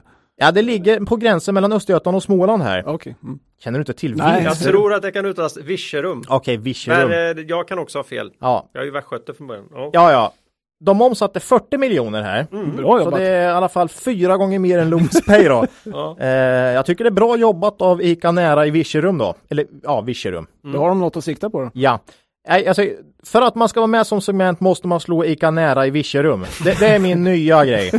Okej? Ja. Ja. men då Det, det, det kommer. Ska jag sluta raljera om eh, Loomis Pay och gå över kanske till eh, det viktiga, det vill säga hur det går för de här bilarna som kör omkring med kontanter? Gör så. De här papperslapparna. Ja, Mm. eh, där går det ju bra. Ja. Det är ju, eh, förstår man ju också med uppgång här på 11% idag va? Eh, Loomis ökade omsättningen i Q4 med 15% valutajusterat, 11% organiskt. Rörelsemarginalen ökade från 10,3 till 11,2. Jämförelsetalet var ju dock ingen ingen superhöjdare såklart då. Eh, Q4 2020 var ju hårt drabbat av pandemin. Eh, dessutom var det många som var väldigt rädda för att sedlarna innehöll virus ju. Mm. Kommer ni ihåg? Hela den Jajamän. Loomis fick ju gå ut på sin hemsida och försöka förklara hur att det inte var någon smittbärare då. Men, men, men det drabbar ju Loomis också Mm. hårt. Eh, jag körde 2019 även här då. Precis som i H&M då va. Eh, då är man faktiskt precis tillbaks omsättningsmässigt. Okej. Mm. Så att det är lite intressant som benchmark. Man ser, ja, nu är man tillbaks på 2019. Eh, dock vinsten ner cirka 10% sedan dess. Så eh, man ska också komma ihåg att de förvärvat en del, vilket Loomis alltid gör. Serieförvärvare skulle man kunna säga, fast de köper bara samma sak hela tiden då va. Eh, och de köper ju andra sådana här. Eh, så Men att, det är ju lite vårat case här att, att man kan bli vinnare även i en eh, minskande, krympande marknad ja, på sikt. det handlar, alltså aktien är ju inte sådär jättedyr då, men, men, men liksom man, man förvärvar konkurrenter i olika länder hela tiden och sen så expanderar man i geografier där, där kontanthanteringen är extremt dominerande då. Mm. Eh, mm. Ja, nej men så tillbaks på 2019 ungefär nu. Japp. Eh, med Q4 i ryggen här och en pandemi på nedgång så tror jag det finns bra förutsättningar för ett eh, bra 2022 för Loomis. Jag uppskattar vinst per aktie till 19 kronor 2022 eh, och då är det faktiskt fortfarande lägre än 2018 och 19. Okej. Eh, men 25 till 30 procent högre än 2021. Jag får P14 här på 270 spänn efter dagens uppgång och jag vågar nog inte sätta mycket mer på Loomis. Dessutom har vi nått någon, de flesta i alla fall, tror att det här ändå är en marknad som kommer minska successivt under de närmsta tio åren. Eh, jag tror Loomis kan köpa upp konkurrenter och hålla vinsten uppe bra, men jag vågar inte sätta mer än P14 i alla fall. Det vågar jag inte göra. Eh, så jag tycker det känns hyggligt rimligt. Jag har sett många riktkurser på strax över 300 kronor från banker analytiker, men dagens to- 270 tycker jag känns ganska rimligt. Direktavkastning 3,2 procent, så den är inte sådär. Ja, den är inte sjukt hög heller sådär, eh, men vettigt. Eh, ja, Loomis tugga på. Eh, Loomis Pay sådär kan vi säga. Mm. Jag ger Loomis Pay ett år till. Sen är det tufft med det här målet om 5 miljard, 3 miljarder 2025 tror jag. Mm. Eh, för då ska det till en rejäl hockeystick för att det ska bli, bli verklighet då Ja, faktiskt. du måste börja bita lite då. Ja, måste börja bita lite. Eh, men lite intressant att kolla på på Loomis, men Mm. kolla framförallt på den här verksamheten som är 99,9 procent av bolaget då. Mm. Mm. Ja, Nej, vi tog ju upp Loomis som ett, något exempel. Jag letade febrilt efter när vi var, nämnde det, när vi nämnde det med att vi ser lite annorlunda på när bolag ibland gör förvärv eller börjar med nya verksamheter och sådär som kan vara lite mer i tiden. Mm. Gärna med ordet, ordet Internet of Things i sig. Det hade ju inte just det här då. Då tog vi upp tog vi upp eh, det här Loomis Pay där, där marknaden var ju väldigt positiv där, när, det, när det lanserades och skickade upp aktien 5 procent ändå. 5-6 procent någonting. Mm. Eh, Medan vi då tyckte istället att oj, det här kommer kosta Ja. och det är inte säkert det blir något. Eh, och kostar har det gjort. Vet du, ja det vet ni för det frågade jag förut. Ni var Mm. väldigt bra på att gissa måste Ja, jag Marcus säga. var ju bättre så jag tycker inte det. De här 11 miljonerna då eh, genererat rörelseresultat på minus 149. Mm. Så, så är det. Mm. Eh, och det kommer fortsätta. Att, Också väldigt lite pengar när man tittar på Loomis. ja, det, jag tror det var sju, sänkte vinsten med 7 procent. Mm. Eh, Men det är ju fortfarande naturligtvis. det är Det ju är inte så enormt. omateriellt. Eh, Och det var lite det man vi är rädda för när sånt här börjar Ja. hända då. Det måste börja bita. mm. Så är det. Ja, Loomis. ja. Inte, eh, vi äger inga aktier i Loomis där, nej. bolag som faktiskt har Nej, inte jag framtiden för sig. Nej. Nej, där äger vi inget. Nej, ingen. Eh, då har vi klarat av fem bolag. Då är det sista kvar och, Och- det enda nya va? Det enda nya. Eh, vi har ju tidigare tittat till eh, G5, Rovio. Och nu på allmän begäran så har det blivit dags för branschkollegan MAG Interactive. Eller Magi, som de populärt kallas. Mm. Marcus har ju grottat ner sig i det här bolaget eh, rejält under sista tiden och avger nu rapport på sina fynd. Fan, vi, vi har gått från eh, bettingpodden till spelbolagspodden här nästan. Vänta, det, vän- det vänder snart. Okej, ja. Du ska inte vara orolig. Nej, nej, nej. Nej. Okej. Allt går i cykler. Ja. Ja. Ja, nej men MAG Interactive då. De har ju magi som kortnamn så Mm. det Ja, passar det, ju är väldigt ju, bra. det är ju härligt. Det är bra. Magi. ja, Den, det har de ju till och med. ja, den gillar jag. Det är, det Magi. är bra att få till. Mm. Mm. Ja, men det är ett mobilspelsutvecklingsbolag då, eh, som vi egentligen började följa för vi har ju några väldigt skickliga investerare som vi känner, som, som känner till bolaget och pratar positiva, positivt om det. Då, så. Eh, sen har jag varit med på en dragning hos bolaget också eh, nyligen eh, efter rapporten. Eh, men eh, de har inte varit med i podden så nu är det dags. Eh, och det här blir lite längre då med ett nytt bolag. Ja. Man noterades 8 december 2017 till en kurs på 44 kronor. Eh, sen hade man det ganska tufft och föll ner till 10 kronor. Det får man säga ganska tufft. Oj. Ja. Eh, Var det pandemi i botten där? Nej, det är början på 19, så det, är, det är in- innan pandemin. Nej just det, pandemin var ju, det var ju bara gynnsamt för de här bolagen ja. Ja, exakt, för det Ja. startade en uppgång sen istället första halvåret 2020. Ah, just det. Jag är med. Jag är Och med. då steg man upp eh, till runt IPO-kursen på 43-44 kronor igen då, Mm. eh, till mitten av 2021. Men, men sen har man haft det tufft och fallit 50% igen då. Oh, herregud. Mm. Så, så det är lite det här G5, himmel och helvetet. Ja. Eh, man verkar, aktiemarknaden har svårt att bestämma sig för värdet på, på MAG då. Mm. Eh, kan det vara dags för en ny sväng uppåt nu då? Mm. Vem vet? Eh, USA är största marknad, 37% av omsättningen. Eh, följd av Tyskland med 23. Eh, spelen har spelats i 195 länder säger man själv. Och då kommer frågan, hur många länder finns det? Oj. Vad fanken är det någon form av geografiprov här eller? Jag, jag sa ju att ni skulle få en fråga och att ni inte skulle få Jag rätt på tror på svaret. 225. Nej, för lite. 258 länder finns det. Och då är svaret så här, det är inte självklart. Nej men eh, det, ofta om man tittar, tittar runt lite så, så varierar det mellan 193 och 246. Jaha. För det mest accepterade eh, svaret är 195. Eh, och det är då FNs definition plus Vatikanstaten och Taiwan. Eh, för de har då eh, ses som självständiga, självständiga stater. Eh, det finns ju kanske ett stort land som har en röd flagga som inte håller med då. Om Mm. i alla fall det ena Ja. av dem där. Så 195 är den vanligaste definitionen. Jaha. Men eh, tar man med alla stater i världen som har begränsad självständighet så kommer man upp i 246. Och då är till exempel Åland ett land och sådär. Ja, kanske. Ja, jag vet inte vilka de här är, men, men 195 i alla fall ska vara rätt svar. Och då har de alltså sålt, spelats i alla länder. Oj. Jag tycker det är bättre om man tar med alla de här staterna med ett visst självbestämmande när man... I, i din gissning. Ja, jag kanske skulle ha Det sagt var, att det var så du tänkte va? Ja. Ja, men det är bra. Jag tänker så här att det är det är ju samma kille som åkt runt med och, och spelat på sin mobil. Det är en globetrotter vet du. Men alltså om man tittar på något aktuellt, den egentliga definitionen är väl vilka som får vara med under egen flagg i OS.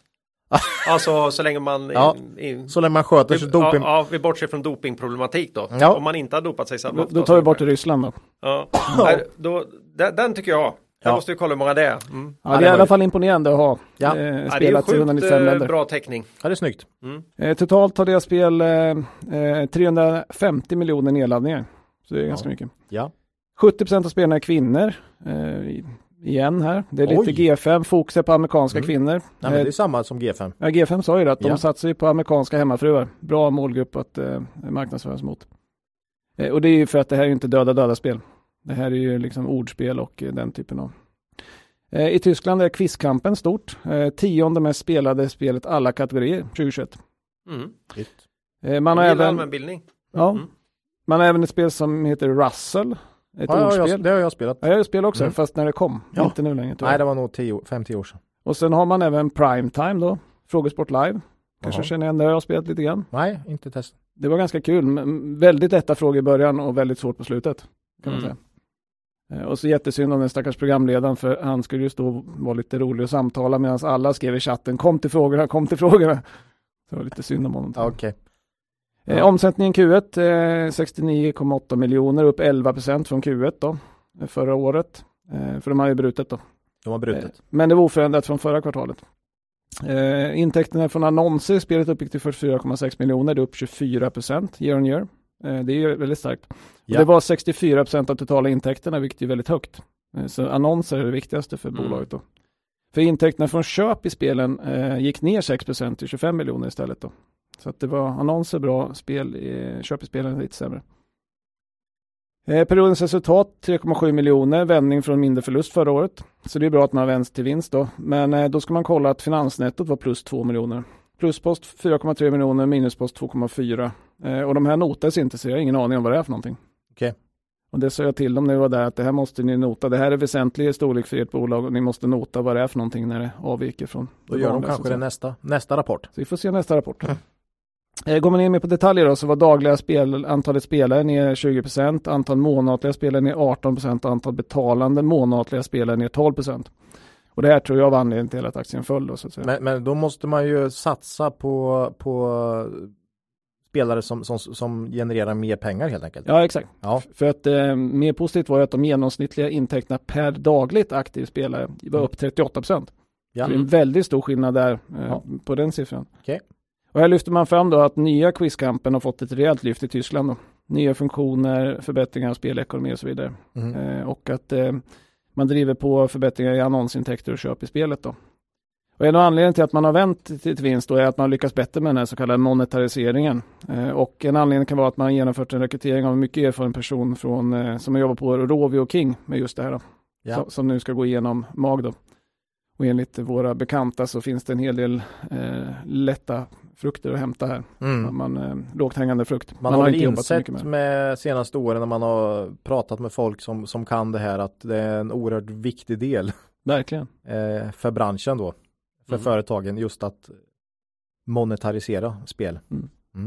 Så i ett sammanfattning så minskar antalet spelare men de som spelar genererar mer då. Ja. Eh, är det hållbart på sikt kan man undra. Ja, det vet jag inte men.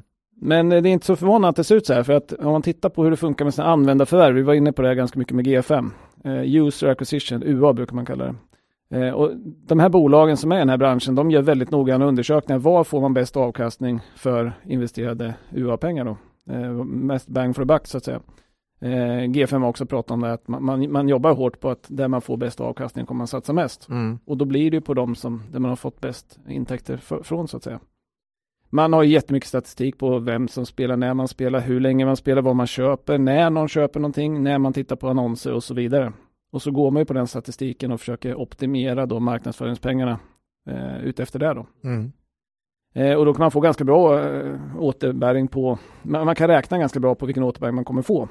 Eh, och det här gör ju att eh, ser man inte tillräckligt bra avkastning så investerar man inte lika mycket i UA då. Eh, och i Q1 så var Mags eh, kostnad för UA ner 2 miljoner year on year då. Förbättrar resultaten nu men minskar ju lite potentialen framåt då. Eh, och våra investeringskompisar som kan det här bättre då, de brukar säga att de vill se höga UA-kostnader. För det innebär då, då har man sett bra lägen att, att eh, trycka på med marknadsföring och det kommer ge intäkter på sikt så att säga. Ja. Sen är ju kostnaden för UA inte linjär under ett spels livslängd utan i början efter lansering trycker man på väldigt, väldigt mycket för att få igång eh, en stor spelarbas. Och sen när man väl har eh, nått en stor spelarbas eh, så kan man minska UA och då ökar lönsamheten ganska ordentligt. Mm. Eh, G5 pratar om the long tail på spelen. Ja. Eh, där lönsamheten är väldigt bra då så att säga. Så håll koll på UA-kostnaden och eh, Det, det, det, enda scenariot, ja, visst jag förstår ju att UA är, är bra om man får till tillväxt. Det jobbiga scenariot är ju om man bränner på och sen inte får någon riktig effekt då. absolut. Men har man jättebra, jätt, superkoll på vad man gör så, så kanske den sannolikheten är väldigt liten. Men vi har ju sett G5 och Rovio och eh, Ja, vi har inte Andra- alltid sett den effekten. andra bolag som, som, som vissa kvartal faktiskt har, i stort sett har råkat ut för det där. Att man har tryckt på men inte att det har kommit någon boom sen. Mm. Eh, riktigt. Så att, Och mm. det är därför man hoppas att de, om man nu skaffar folk som är väldigt bra på det här, att man, man får en bättre träffbild så att säga. Ja. Men som framgår av inledningen då så är ju annonsintäkter som är stora delen av Mags intäkter, 64 procent i kvartalet. Eh, det är ju inte så konstigt eh, som man kan tro då att man får mest pengar från annonser för det är endast 5 procent av spelarna ungefär i snitt som betalar i free to play. Mm. Det är väldigt lågt ska jag säga. Ehm, men resten då så vis, kapitaliserar man på genom att man visar annonser helt enkelt. Eh, eller man köper, ja, säljer annonser och visar för spelarna. Annonserna säljs av annonsnätverk som köper reklamplats i spelen då. Eh, jag frågade Mag om man kunde styra vilken typ av annonser som, som man kommer visa för deras spelare så att säga. Eh, och då sa man att ja, men vi kan banna bort porr och liknande. Ehm, och sen försöker vi banna bort annonser från specifika spel från konkurrerande spelbolag. Det, det är ju inte så kul om man eh, visar reklam för ens eh, kunder och så försvinner de iväg till något annat spel för en konkurrent. Så Nej, säga. det är inte roligt. så att, ehm, sen kan man ju undra, Roligare nya quizkampen. ja, den nya nya. ja. Ja, Ja, den är nog, det har man nog reklamskydd på, men, men, eh, men ett liknande spel. ja. Så att eh, det vill man undvika. Sen kan man undra hur mycket reklam kan man spela ett tag då, innan man tröttnar. Eh, jag såg att Affärsvärlden har en artikel där man, man pratade om att det var folk som klagade på nya quizkampen att man hade mycket reklam. Mhm. Som jag förstod det på, på, på våra bekanta igen då så har man haft eh, quizkampen och där har man kunnat köpt bort reklamen. Eh, och sen skapar man nya quizkampen och liksom la ner den gamla och då var det folk som kom över till nya och så hade man inte kvar det här möjligheten att slippa se. För det är nämligen en annan intäktskälla som man har tagit fram då att de som är trött på reklam kan betala för att bli av med den. Mm. Så får man ett spel utan reklam. får man en intäktskälla till. Ja. Eh, MAG säger själva då att alla spel som har lanserat något över en miljon nedladdningar och nio stycken något över tio miljoner. Mm. Så att man, man, man har en bra hitrate på sina spel då. Ja. Men man har inte släppt så många. Eh, men man verkar ha väldigt strukturerad process för att ta fram spel. Eh, man angav i Q1 att man har sex spel under testning. Ambitionen är för att eh, innevarande finansiella året att lansera minst ett nytt spel som kan ha betydande påverkan. Sen kapitaliserar man inte heller utvecklingskostnader innan man har nått soft launch. Eh, det här är en stor fråga i spelbolag då. Eh, historiskt sett har man inte gjort några nedskrivningar av kapitaliserade utvecklingskostnader. Eh, här såg vi ju Paradox som ni kommer ihåg. De skrev ner en massa utvecklingskostnader från spel som de aldrig ens sagt åt någon att de skulle hålla på med. Ja. Det, det, är, det är bland annat en anledning till att vi har ibland lite svårt med, med de här särskilda bolagen som förvärvar mycket i den här branschen. Att det är svårt att lysa igenom de här eh, aktiverade utvecklingskostnaderna. Nej, det är Eh. väldigt vanligt att man aktiverar ut, utvecklingskostnader och sen så när det kommer in i soft launch så börjar man skriva av. Ja, men, det, men, det är snarare så jag har sett många gånger när jag tittar på. men här har man ännu mer konservativ. Ah, okej. Man börjar inte för en soft launch med att aktivera dem, så man tar kostnader innan. Så Ja, det, det drar ju ner resultatet här. Det konservativ syn, och, men jag gillar den. För Ja, det är man, bra. Kommer man in i soft launch, då har man ju visat att det här är någonting som man ska Ja, ha. Så att säga. Snyggt. Eh, sen kan det ju vara att man har lite för tajta kriterier för att släppa spel. Man har inte släppt något nytt större spel på ett par år då. Eh, och vissa andra bolag i branschen har en lite annan taktik, utan de släpper ut ett antal nya spel och ser om de flyger liksom. Mm. Och så kan man satsa på de som går bra. Lite mer hagelsvärm. Strategin ja. Mm. Det kan ju vara lite effektivare sätt, eh, men eh, ja, vi får se. Men man har ju så rigid process då för nya spel, så förväntningarna kommer vara väldigt stora när man kommer med nästa stora spelsläpp då. Mm. Eh, det hade varit intressant med mer info om de olika spelen och hur det går. Omsättning, antal spelare, tillväxttrender och så vidare. Och det ger man inte.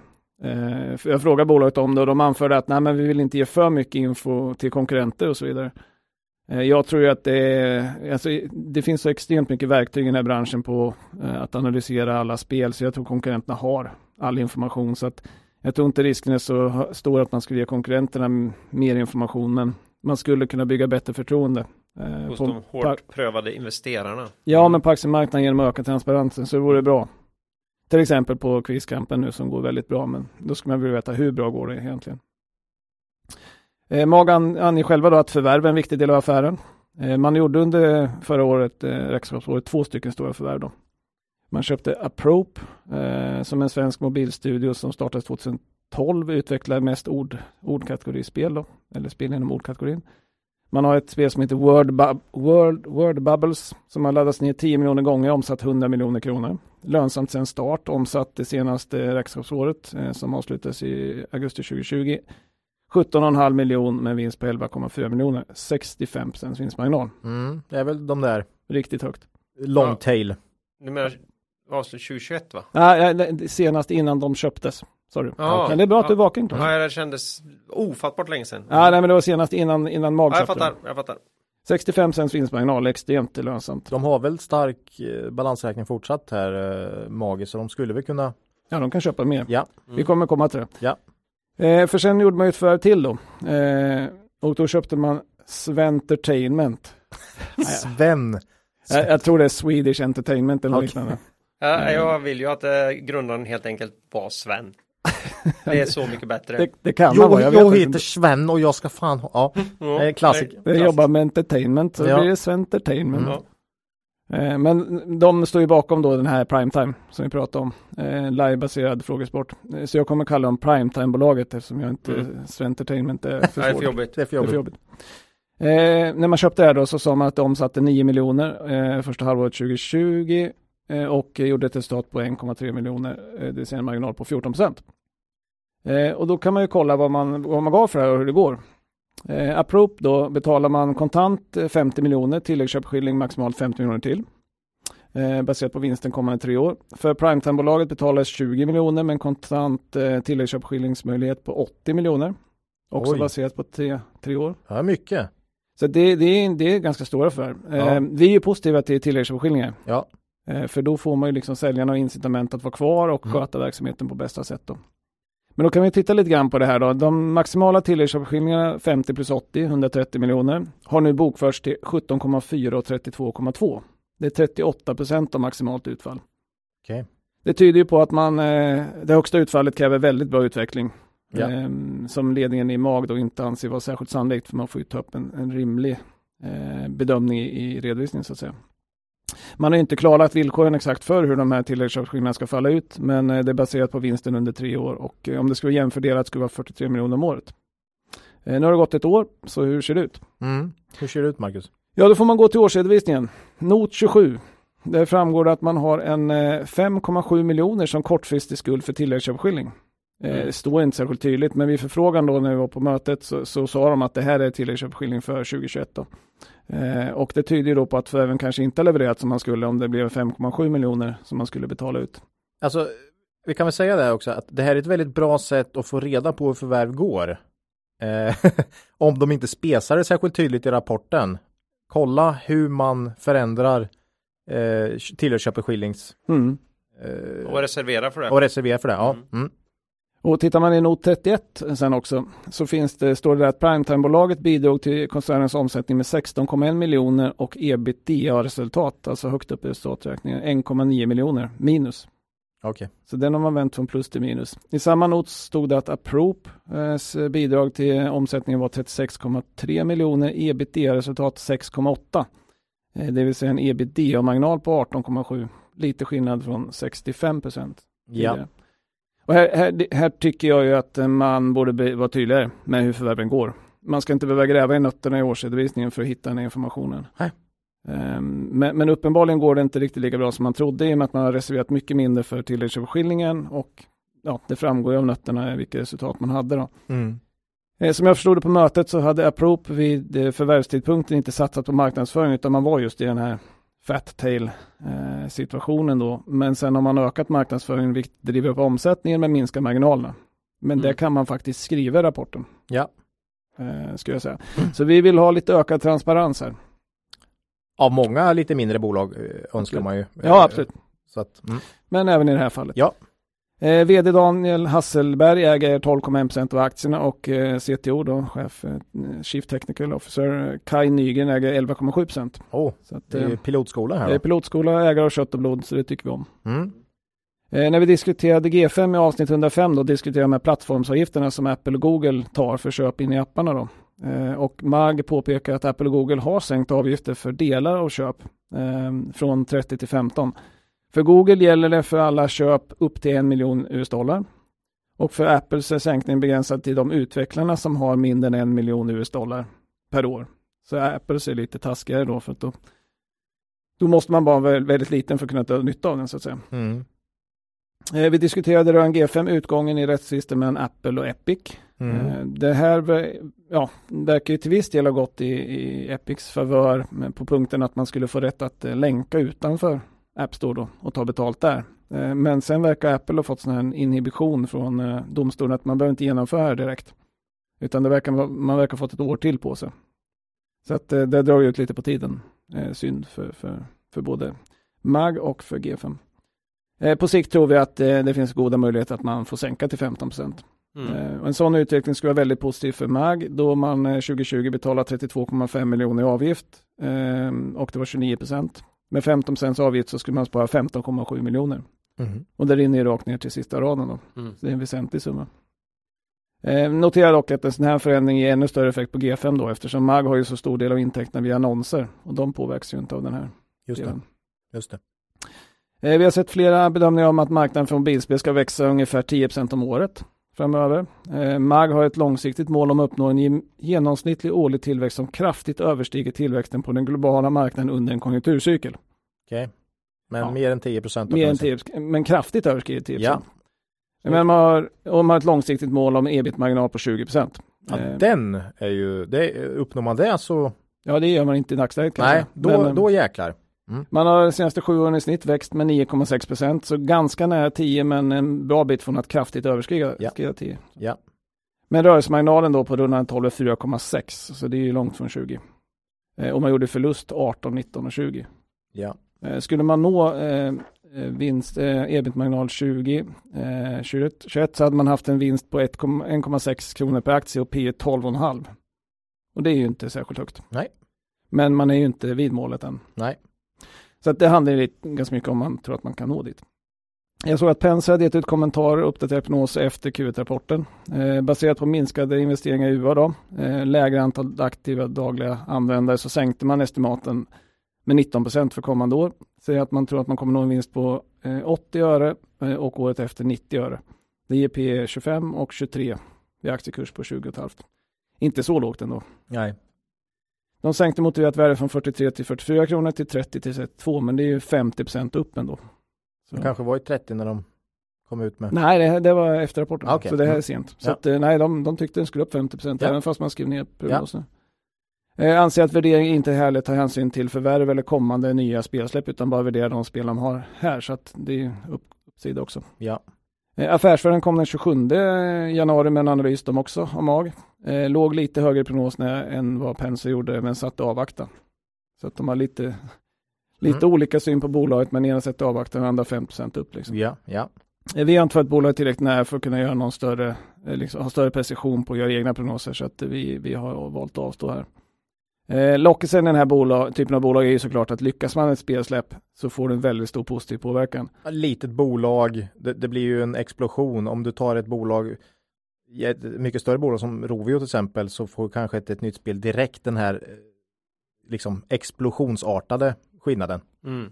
Nej, jag hörde ju den, att tydligen var det problem på King då, som har gett ut Candy Crush, att det, de kunde nästan inte få igenom en idé på ett nytt spel, för det finns ju ingenting som påverkar när man har Nej. en sån stor succé. Liksom. Nej, Mm. nej. Så att, eh, men men, eh, med väldigt hög bruttomarginal, digital distribution så skalar det här väldigt fint och lönsamheten kan ju snabbt förbättras om man får en sån här hit då. definitivt.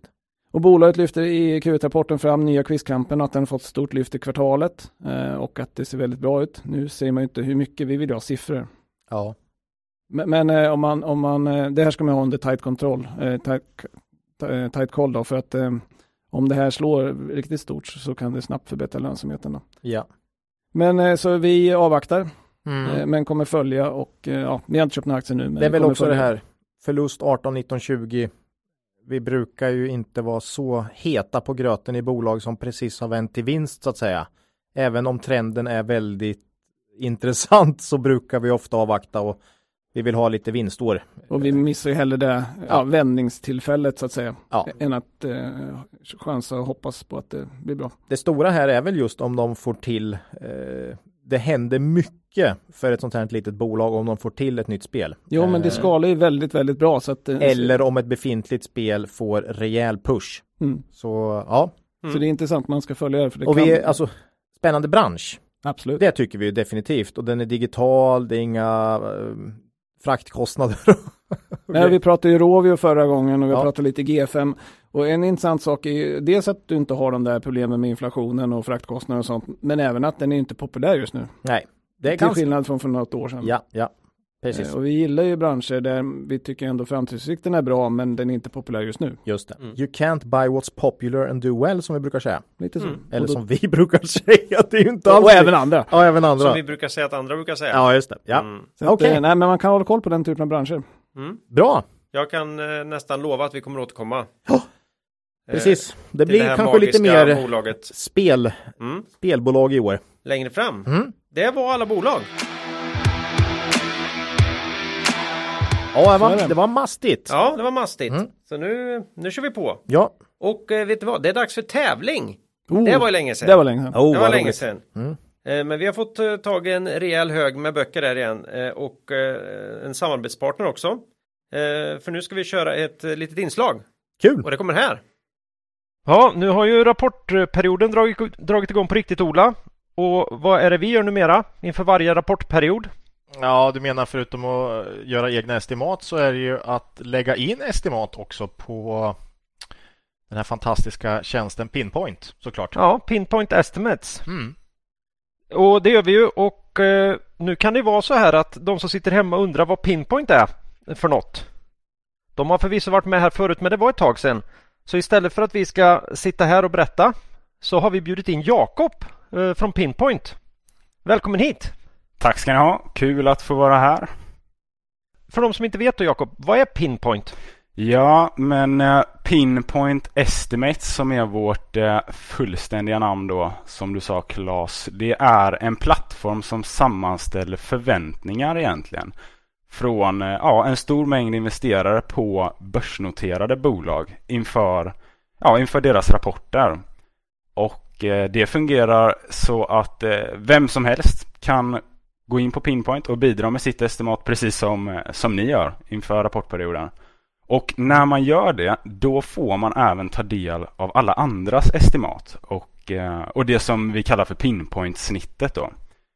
Och det här snittet fungerar, eh, det fungerar som ett traditionellt konsensusestimat egentligen från, eh, från aktieanalytiker. Det är en, en samlad bild på vad marknaden förväntar sig för ja, till exempel omsättning och, och vinst inför bolagets rapport. Men skillnaden är då att på Pinpoint så får alla vara med och bidra med sitt estimat. Och, och det som är så eh, intressant med Pinpoint-snittet egentligen är att det har faktiskt visat sig vara mer träffsäkert än analytikernas estimat. Så som användare får man ta del av dels det här träffsäkra Pinpoint-snittet och ja, man kan bland annat använda sig av Pinpoints data för att skapa sig en bild av vilka estimat och förväntningar som finns på de bolagen man är man är intresserad av inför rapportperioden. Mm. Ja, vi tycker det är väldigt bra då. Inte bara som ett eh, investerarverktyg och ytterligare ett ställe att eh, så att säga touch base och få, få en reality check på sin egen, sina egna estimat för framtiden. För det är alltid det luriga, det här med framtiden. Men det är också det är kul. Det är kul att estimera och man kanske kan, kan få upp intresset för något nytt bolag för att man gärna vill, vill lägga ett träffsäkert estimat. Då. Eh, men precis som förra gången ni var med eh, från Pinpoint så tänkte vi köra en tävling. Eran, eran tjänst eh, lämpar lämpar sig så himla bra för det då. Så att där får alla lyssnare vara med och tävla om en, en bok som vi kluddrar lite i. Mm. Och vilken bok är det vi talar om här då, Ola? Nej, men det är ju såklart The Most Important Thing av Howard Marks. Det är ju den våran go-to-bok så att säga som vi brukar lotta ut. Ja, det enda gång vi inte gör det är ju när, när den är slut i stock så att säga. Men nu har vi fått tag i en rejäl hög igen här så nu, nu, är, vi, nu är vi på gång. Ja. En riktig klassiker då. Men Jakob, hur ska man då göra för att vara med i den här tävlingen? Ja, eh, det enda man behöver göra egentligen för att, för att vara med det är att eh, man skapar ett konto såklart. Om man inte redan har det då. Och det gör man enklast på pinpointestimates.com. Eh, det, är, det är helt gratis. Tar bara någon minut. Man kan signa upp enkelt med mobilt bank-id. Och när man har gjort det så ska man i, i sann kvalitetsaktie på den andra får jag väl säga då uh, lägga ett estimat och det ska man göra på New Wave. Och det som efterfrågas är nettoomsättning och vinst per aktie. Det ska man göra senast den 9 februari Eh, eftersom rapporten... Och det, är, och det är ju för att rapporten kommer ju den tionde. Precis, trillar Det blir lite, lite, jag vet att Ola gärna skulle vilja vänta lite till men nionde är det som gäller. Jajamän, så är det. På morgonen den tionde, då smäller det. Får vi se vad Torsten har trollat fram den här gången och hur lagersaldot ser ut. Så, ja. ja. ja, och eh, ja, den användares estimat som, eh, som kommer närmast i utfallet, den vinner en bok. Och sen är ju ni så snälla också och lottar ut en bok till någon av alla nya som registrerar sig och eh, lägger ett estimat. Så det är kul. Mm. Jag tänker det kanske är lite tufft i början va? Så det kan vara svårt som nybörjare. Då får man en extra chans. Jajamän. Mm. Det, det tycker vi är viktigt. Så missa inte att gå in och, och regga här nu då. Ja, kanske Torsten går in och, och, och, och reggar ett estimat. Han vill också ha en Howell Marks bok. Bok va? Mm, mm. Ja, se, se, om man, se om man hittar rätt då. Mm. Eh, nej, det ska bli spännande att se om ni slår oss här på kontoret. Ja, ja, om, eh, ja, om någon lyckas slå er så tänker jag att man verkligen är förtjänt av en Howard Marks-bok. Så eh, det, ska bli, ja, det ska bli riktigt kul och spännande detta. Jag tror nog vi kan vara ärliga med att jag tror faktiskt inte vi har lyckats ligga närmast den någon gång. Ja, Vi har varit det- väldigt nära men är vi har inte, vi har det- inte nått ända fram. Det är så många så. Ja. Ja, tur att ni redan har böcker då. Mm. Jo, för lott av dem. Ja, eh, så är det. Som vi sagt då till alla lyssnare redan här, logga in på pinpointsestimates.com antingen om ni behöver registrera som ny eller om ni redan har registrerat er tidigare och lägg estimat på New Wave så är ni med och tävlar om boken The Most Important Thing som är signerad av oss på Kvalitetsaktiepodden. Så då vill jag bara säga eh, tack för att du kom hit och rivstarta tävlingen Jakob. Tack så mycket för att jag fick komma hit. Tack säger vi till vår sponsor Pinpoint. Ja, Ja, alltid kul. Mm, välkomna tillbaka. Bra tjänst. Spännande med tävling. Ja, Alltid lika kul med tävling. Mm. Ja. Så nu får ni vässa geniknölarna här och komma med bra, bra idéer om New Wave. Mm. Eh, ja, eh, vi tänkte väl oss också att vi skulle eh, titta på några lyssnarfrågor. Även om det är långt gånget här nu Mm. så har vi några som vi har liksom slagit runt ett tag. Så är det. Och eh, Marcus eh, kommer få bli först ut här. För att vi har fått en lite smalare fråga Så är det. om, eh, jag vet inte vad jag ska säga, lagligheten i sådana här så kallade stabiliseringsköp i samband med IPOer. Exakt. Nej, vi fick in en lyssnarfråga som, som, eh, som, som vi har låtit jäsa lite grann. Men vi tänkte vi Mm. måste ta den här innan det brakar loss med rapportbyrå i alla fall. Mm. Eh, Då var det en lyssnare då som hade läst en tidningsartikel som sa så här. Det här innebär att ABG som Sol Global Coordinator och stabiliseringsansvarig har genomfört transaktioner i syfte att hålla marknadspriset på aktierna på en nivå högre än den som i annat fall kanske varit rådande på marknaden. Och frågan blir då, men hur kan inte det här vara klassat som marknadsmanipulation? Det låter ju som det är exakt det de ägnar sig åt. Ja, Mm. och då kan man börja med att fråga vad är stabilisering vid en IPO då?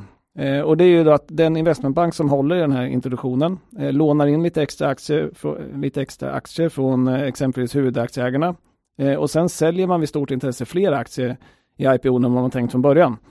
Men sen tecknar man en så kallad green show option med bolaget på samma antal aktier. Och då kommer ju frågan, eh, sätter jag på pottan igen här, men var kommer green show ifrån? Oj. Är det green? Är det med, var inte det någon gammal sån här eh, am, amerikansk eh, centralbanksgubbe eller något sånt där? Greenspan menar du? Nej! green show, Nej, jag kan inte. Nej, det är svårt. Jag, jag, ni fick inte reda på det innan. Så att, nej, men det är då 1919 så var Green Shoe Manufacturing Company. Shoe? Green Shoe Alltså shoe? Manufacturing. Ja, Ja. sko alltså. Ja. Jaha, jag tyckte så show. Okej. Nej, Green Shoe. Green shoe, okej. Eh, första bolaget som använde sig av det här. Jaha. Och då fick den här optionen det här namnet eh, för det här fenomenet i framtiden. Så. Snyggt. Green Shoe. Boklövstil. Eh, ve- nej, Det det var var... ju fina stilrena skor alltså. Ja, ja. Mm, ja. Nej, men så, Okej, att, eh, så fick det. det heta så. Eh, Och den här optionen används då i, i stabilisering. Eh, Ett exempel då för att förstå lite bättre vad det handlar om. Eh, Man har tänkt att sälja 10 miljoner aktier i en IPO. Ehm, Och så tecknar man då en option på 1,5 miljoner aktier extra då från investmentbanken från den här aktieägaren. Och vid stort intresse så säljer man 11,5 miljoner istället för 10. Mm. Eh, och banken kommer då att få en kort position för man har ju sålt 11,5. Eh, men man hade bara 10 att tillgå. Eh, om kursen sen eh, går dåligt efter introduktionen så kan man då börja köpa tillbaka de här i marknaden. Om man då köper 1,5 miljoner aktier via IPO-kurs för att stabilisera aktiekursen eh, så kan man ju sen eh, lämna tillbaka dem och då Mm. behöver man inte den här optionen. Men om kursen istället går upp och fortsätter uppåt så, um, så får man ju inte köpa tillbaka några. Nej. Utan då använder man optionen, kalla på aktierna och lämna tillbaka dem istället då. Just det. Okej. Och då blir man av med sin korta position som investmentbank då. Så att här ser man ju då att föga förvånande tar ju banken ingen risk här. Nej. Det brukar vara så. Det brukar ju vara så. Så, så banken eh, kan sälja lite extra aktier, plocka tillbaka de här på IPO-kurser lite under och sen eh, lämna tillbaka eh, optionen eller använda optionen. Eh, och ta väl en liten avgift för det här kan man tänka sig. Det brukar de vara ganska bra på. ja. Mm. Men om man går tillbaka till frågan om marknadsmanipulation då, för det var ju faktiskt det som var frågan. Eh, och då skulle jag säga att till viss del ja, precis som du var inne på. Eh, jag menar, man har en aktör i marknaden som köper aktier utan att ha gjort någon analys om bolaget eh, och utvecklingen framåt. Eh, man tar inte någon marknadsrisk med köpen, eh, för att man tar ju bort den via optionen. Eh, och på så sätt kan man ju säga att det är en sorts manipulation av marknadens normala funktionssätt. Det är ju pris fastställs mellan köpare och säljare som har olika åsikt om Mm. långsiktiga värdet, liksom. eller kortsiktiga om man är sån. Eh, men dock har ju lagstiftaren ansett att denna typ av eh, liksom, ja, beteende är eh, inte marknadsmanipulation om det följer de regler som gäller då. Och då finns det bland annat informationsregler som säger att man måste ske under en begränsad tid, högst 30 dagar. Eh, de måste informera om att det ska ske, man måste informera efteråt om att man gjort det och till vilka kurser, hur mycket och så vidare. Eh, så att som investerare tycker jag att man kan, det är värt att gå in i prospekten och kolla, kommer det ske stabilisering? För det blir ändå en form av kursskydd Ja. för investeraren. Mm. För det kommer finnas en aktör om det kan ske stabilisering som under en tid kommer att köpa aktier i marknaden då. Och det står, det ska alltid stå i de här. Det ska alltid stå, Ja. annars följer man inte de här reglerna. Och det står, det är bara att söka på stabilisering så kommer man hitta den banken och hur mycket aktier det rör sig om då. Ja. Och det ser man ganska ofta på de IPO-erna som kommer att när den väl går ner mot IPO-kursen då blir det liksom stopp där. Ja. Sen om det blir extremt stort säljtryck så kommer de inte kunna hålla emot. Men, eh, så att, eh, jag tycker man kan kolla efter det här. Eh, har man en IPO eh, och den har stabilisering så kan man känna sig lite säker ändå på att få sälja på IPO-kurs. Eh, men värt att påpeka också, har man aktien i IPO, den går ner till den här kursen och går ner lite under kursen så att stabiliseringsagenten inte orkar hålla emot, då är det bara att sälja. Då Mm. har prissättningen varit helt felaktig. Ja. Så att, eh, men eh, ja, så viss form av manipulering men en godtagbar sådan enligt lagstiftningen då. Snyggt. Mm. Det var det. Mm. Ja, det beror ju lite på vad syftet var med att man gick in i den här IPOn. Om man ska sälja eller inte. För man kan ju veta massor om bolaget som den här korkade marknaden inte känner till. Ja. Och då, då ska man ju hålla kvar. Men- eftersom men- man har men- gjort men sin om- analys. Men tänk om du skulle kö- köra den här eh, teckna sälj. Teckna sälj. teckna Ja. sälj. Det kanske är extra det är viktigt ju- för den det är typen av ju aktörer. just en strategi som vi kanske inte uppmanar Nej, har till har vi inte gjort så mycket. Nej. Överhuvudtaget. Nej. Men den kanske förekommer bland lyssnarna så Va? vi, vi försöker vara lite Det ju snälla där. helt, det vore ju helt galet om, Ja. någon, om någon skulle ägna sig åt sånt. Åt Spekulativt beteende. Ja. Vad är nästa steg? Teknisk analys. Ja, det är bara liksom. What to say liksom. Ja, what to say. Ja. Ja. eh, det var första frågan. Andra frågan. Eh, vi gjorde ju ett, eller vi, Ola, gjorde ju ett lågkonjunkturstest här. Någon gång i tiden. Ja, det var någon, ja, Ja. det var, no, mm. Det var någon som fiskade upp det här och, och ställde frågor om det här igen. Mm, det finns ju, om man söker på konjunktur så får man ju upp en träff på vår hemsida bland annat. Där, där just, Om du bara söker gamla- på konjunktur på. Google rakt, nej. nej, på nej, vår, på, på, vår hemsida. Ja. kvalitetsaktiepodden.se, då får man upp det. ja, Om man vill titta på det. ja. Eh, men eh, ja, är det, är det snarare läge för ett normalkonjunkturstest nu eller Jo, vad, ja. vad borde man ägna sig åt nu Ola?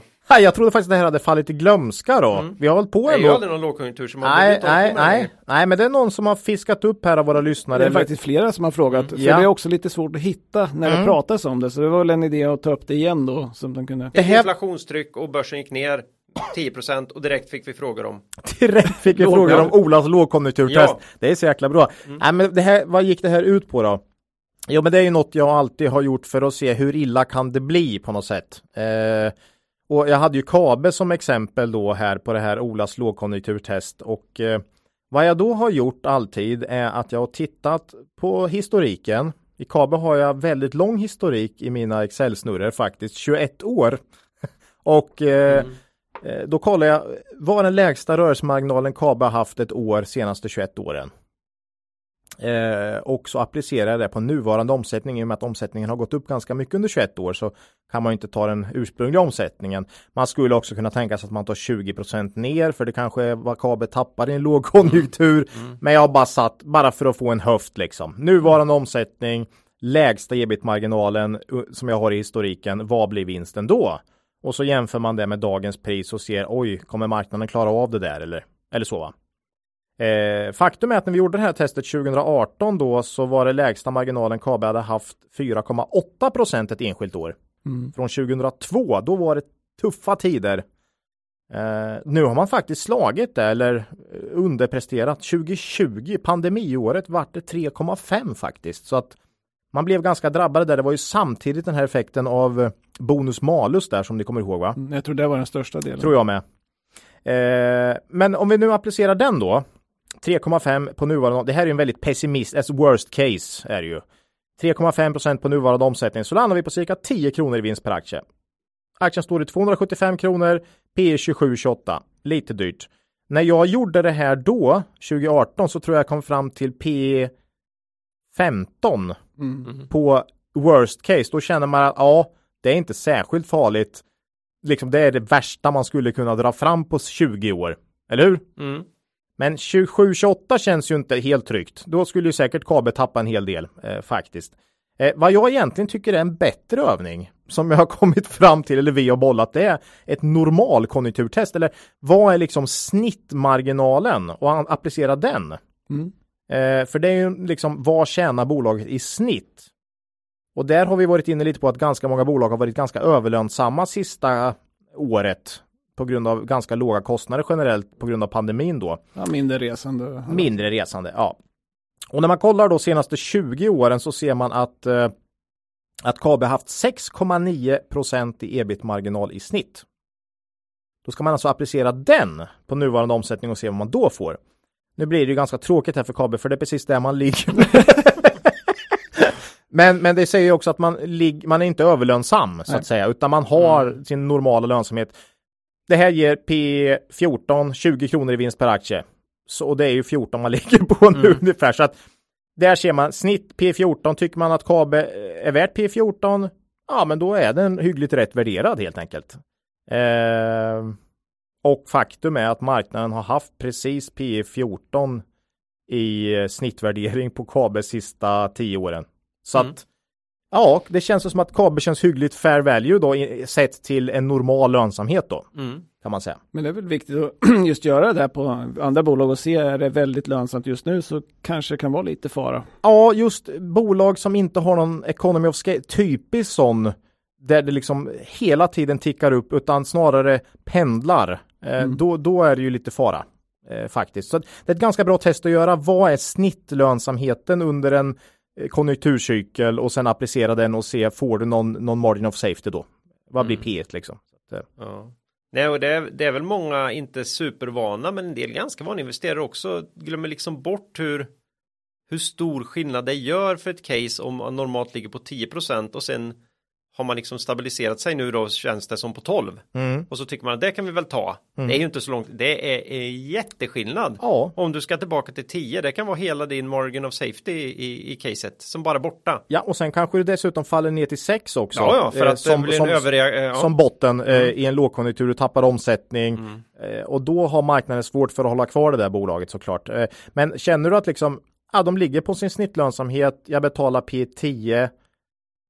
Ja visst, det kan bli sämre, men samtidigt, jag vet ju att snittvinsten brukar ligga där, då vågar jag köpa Mm. helt enkelt. Och kanske hålla kvar. Och ha, dessutom hålla kvar i en lågkonjunktur för du känner att de kommer komma tillbaka till det. har de alltid gjort förut. Så att, Mm. och, och det här är också det här, vi brukar ju prata om historik, hur viktigt det är med historik. För ett bolag som inte har gjort vinst, hur ska du veta vad som är normal lönsamhet? Liksom? Mm. Och det blir ju en annan effekt ibland i bolag som är överlönsamma en viss period men så går det så bra så att de även får ett högre, en högre multipel. Då kan man ju Mm. få dubbel effekt neråt sen. Det, det, nu sa du något jäkligt, för det där brukar ganska ofta inträffa just att man sätter toppmultiplar på topplönsamhet va? Mm. Mm. Eh, mm, Det är farligt. det är farligt. Mm. Ja, men så, så kolla Har gärna det. ett gammalt avsnitt som heter något sånt topp? Jo, vi har någonting. Eh, Jag kommer inte ihåg vad det kopplade till för bolag direkt, men ja, jag vet inte. Det var nog då när vi satt och sura och tyckte det var dyrt. Ja, ja det Det var är nog så. l- ganska lätt att Ja. lista ut. Ja, toppmultiplar på topp, topplönsamhet. Mm. Mm. Jag- kanske ska säga med KB att eh, firman sålde ut sitt innehav när den rusade iväg uppåt. Ja. För att det blev Ja. fair värdering helt enkelt. Så att jag tror vi hade ett innehav senast. Ja, vi äger inga aktier i kabel längre. Vi tycker det känns fair value på något sätt. Ja, de Mm. drog iväg ganska ordentligt också. Bra. Martin. Jag har ett innehav kvar i pensionssparet. Men... Har nog inte jag, tror jag inte. Har Inte heller. Nej. Eh, det, var, det var lite lyssnarfrågor. Mm. Mm. Eh, nu närmar vi oss faktiskt slutet Ja. för det här Redan? avsnittet. Nästa avsnitt är ju ett sånt där, vad heter det, numerologiavsnitt va? Nummer eh, 111. Mm, mm, Mm.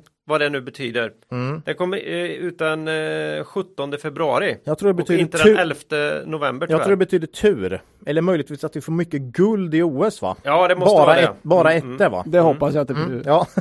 Vad, vad den innebär så kommer det vara ett klassiskt rapportperiodavsnitt. ja. Det blir rapporter.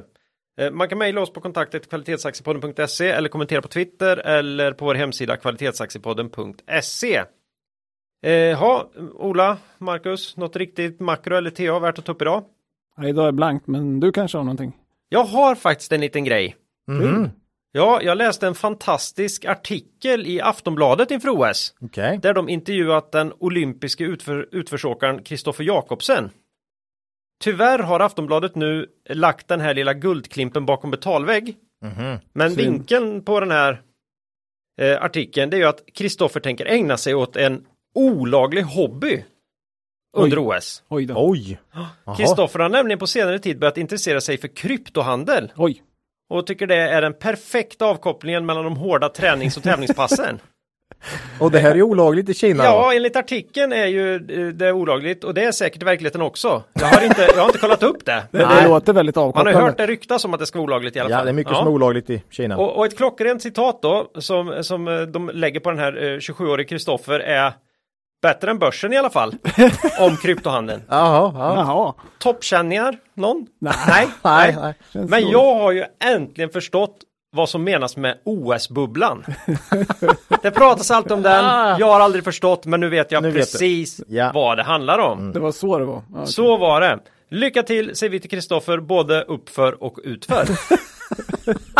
Ja, Ja. Ja. Då säger vi att vi Äh, hoppas han tjänar bra med pengar på skidåkning. Jag Ja. säger inte vilket av de två det var jag nej. syftade på det. Jag, jag ska följa Kristoffer under Ja. OS. Mest, Ja. mest hans utförsbravader i, i backen Ja, då. vi får se. Vi håller tummarna. Jag När- håller tummarna. När han slutar för att han är mångmiljardär och Ja, jag tror han skrattar Nej. han åt vissa poddar. ja. Så är det. Mm. Eh, eget ägande. Nej, det var inget i, eh, bolaget. fi- i, bol- i firman här av något av det vi pratade Nej, om och idag. det andra har vi tagit i takt med att vi gick Ja. igenom Ja, bolagen. precis. Ja, innan vi skiljs åt vill vi bara påminna våra lyssnare om att gå in på Cavaliers hemsida. Läsa på om deras eh, fina erbjudanden och då ska man komma ihåg att eh, avkastning i fonder inte behöver vara en indikator på framtida avkastning och att ni kan förlora del av ert satsade kapital då fonder kan både gå upp och ner i värde. Historisk avkastning ska det naturligtvis eh, vara där och eh, vi vill även påminna er att eh, gå in på Pinpoint Estimates och, och lägga estimat för att vara med i den tävlingen också då. Det gör vi. Ja, Mm. då så. Ska, jag, ska jag säga något om avsnitt 108? 108? Ja, det var ju då vi gick igenom våran investeringsfilosofi. En liten Ja. reminder om att gå tillbaka Ja. dit. Snyggt, gör det. Okej, då säger jag det. Mm. eh, är ni nya lyssnare av podden och undrar mer om poddmakarnas investeringsfilosofi så går vi igenom den ordentligt avsnitt 108. Missa inte det. Nej, redan väldigt eh, ett av de mest eh, Mm. nedladdade. Ja, Mm. favoriten var väl ändå, fick frågan på Twitter häromdagen om vi inte skulle kunna gå igenom våran, Filosofi. våran, Det bästa är att vi nu bara våran kan process. Ja, det blir hänvisa- bara 108 säger jag bara. 108. Men, men Ja, det har kommit, det har kommit in en hel del frågor som varit lite mer avancerade på slutet. Ja, Mm. kan som ju hänga med det. förmodligen därför. jag. Och det uppskattar vi enormt. Och Ja. särskilt nu när vi har Marcus så vi Ja. kan svara på dem också. Ja, nej, men vi, Ja. vi samlar ihop dem till ett frågeavsnitt också. också. Ja, ja. så gör vi. Ja, eh, men nu, nu säger vi hej då för den här gången och ber lyssnarna komma ihåg att Det är först när tidvattnet drar sig tillbaka som du får se vem som badat naken. Lose money for the firm and I will be understanding. Lose a shred of reputation for the firm and I will be ruthless. I welcome your questions.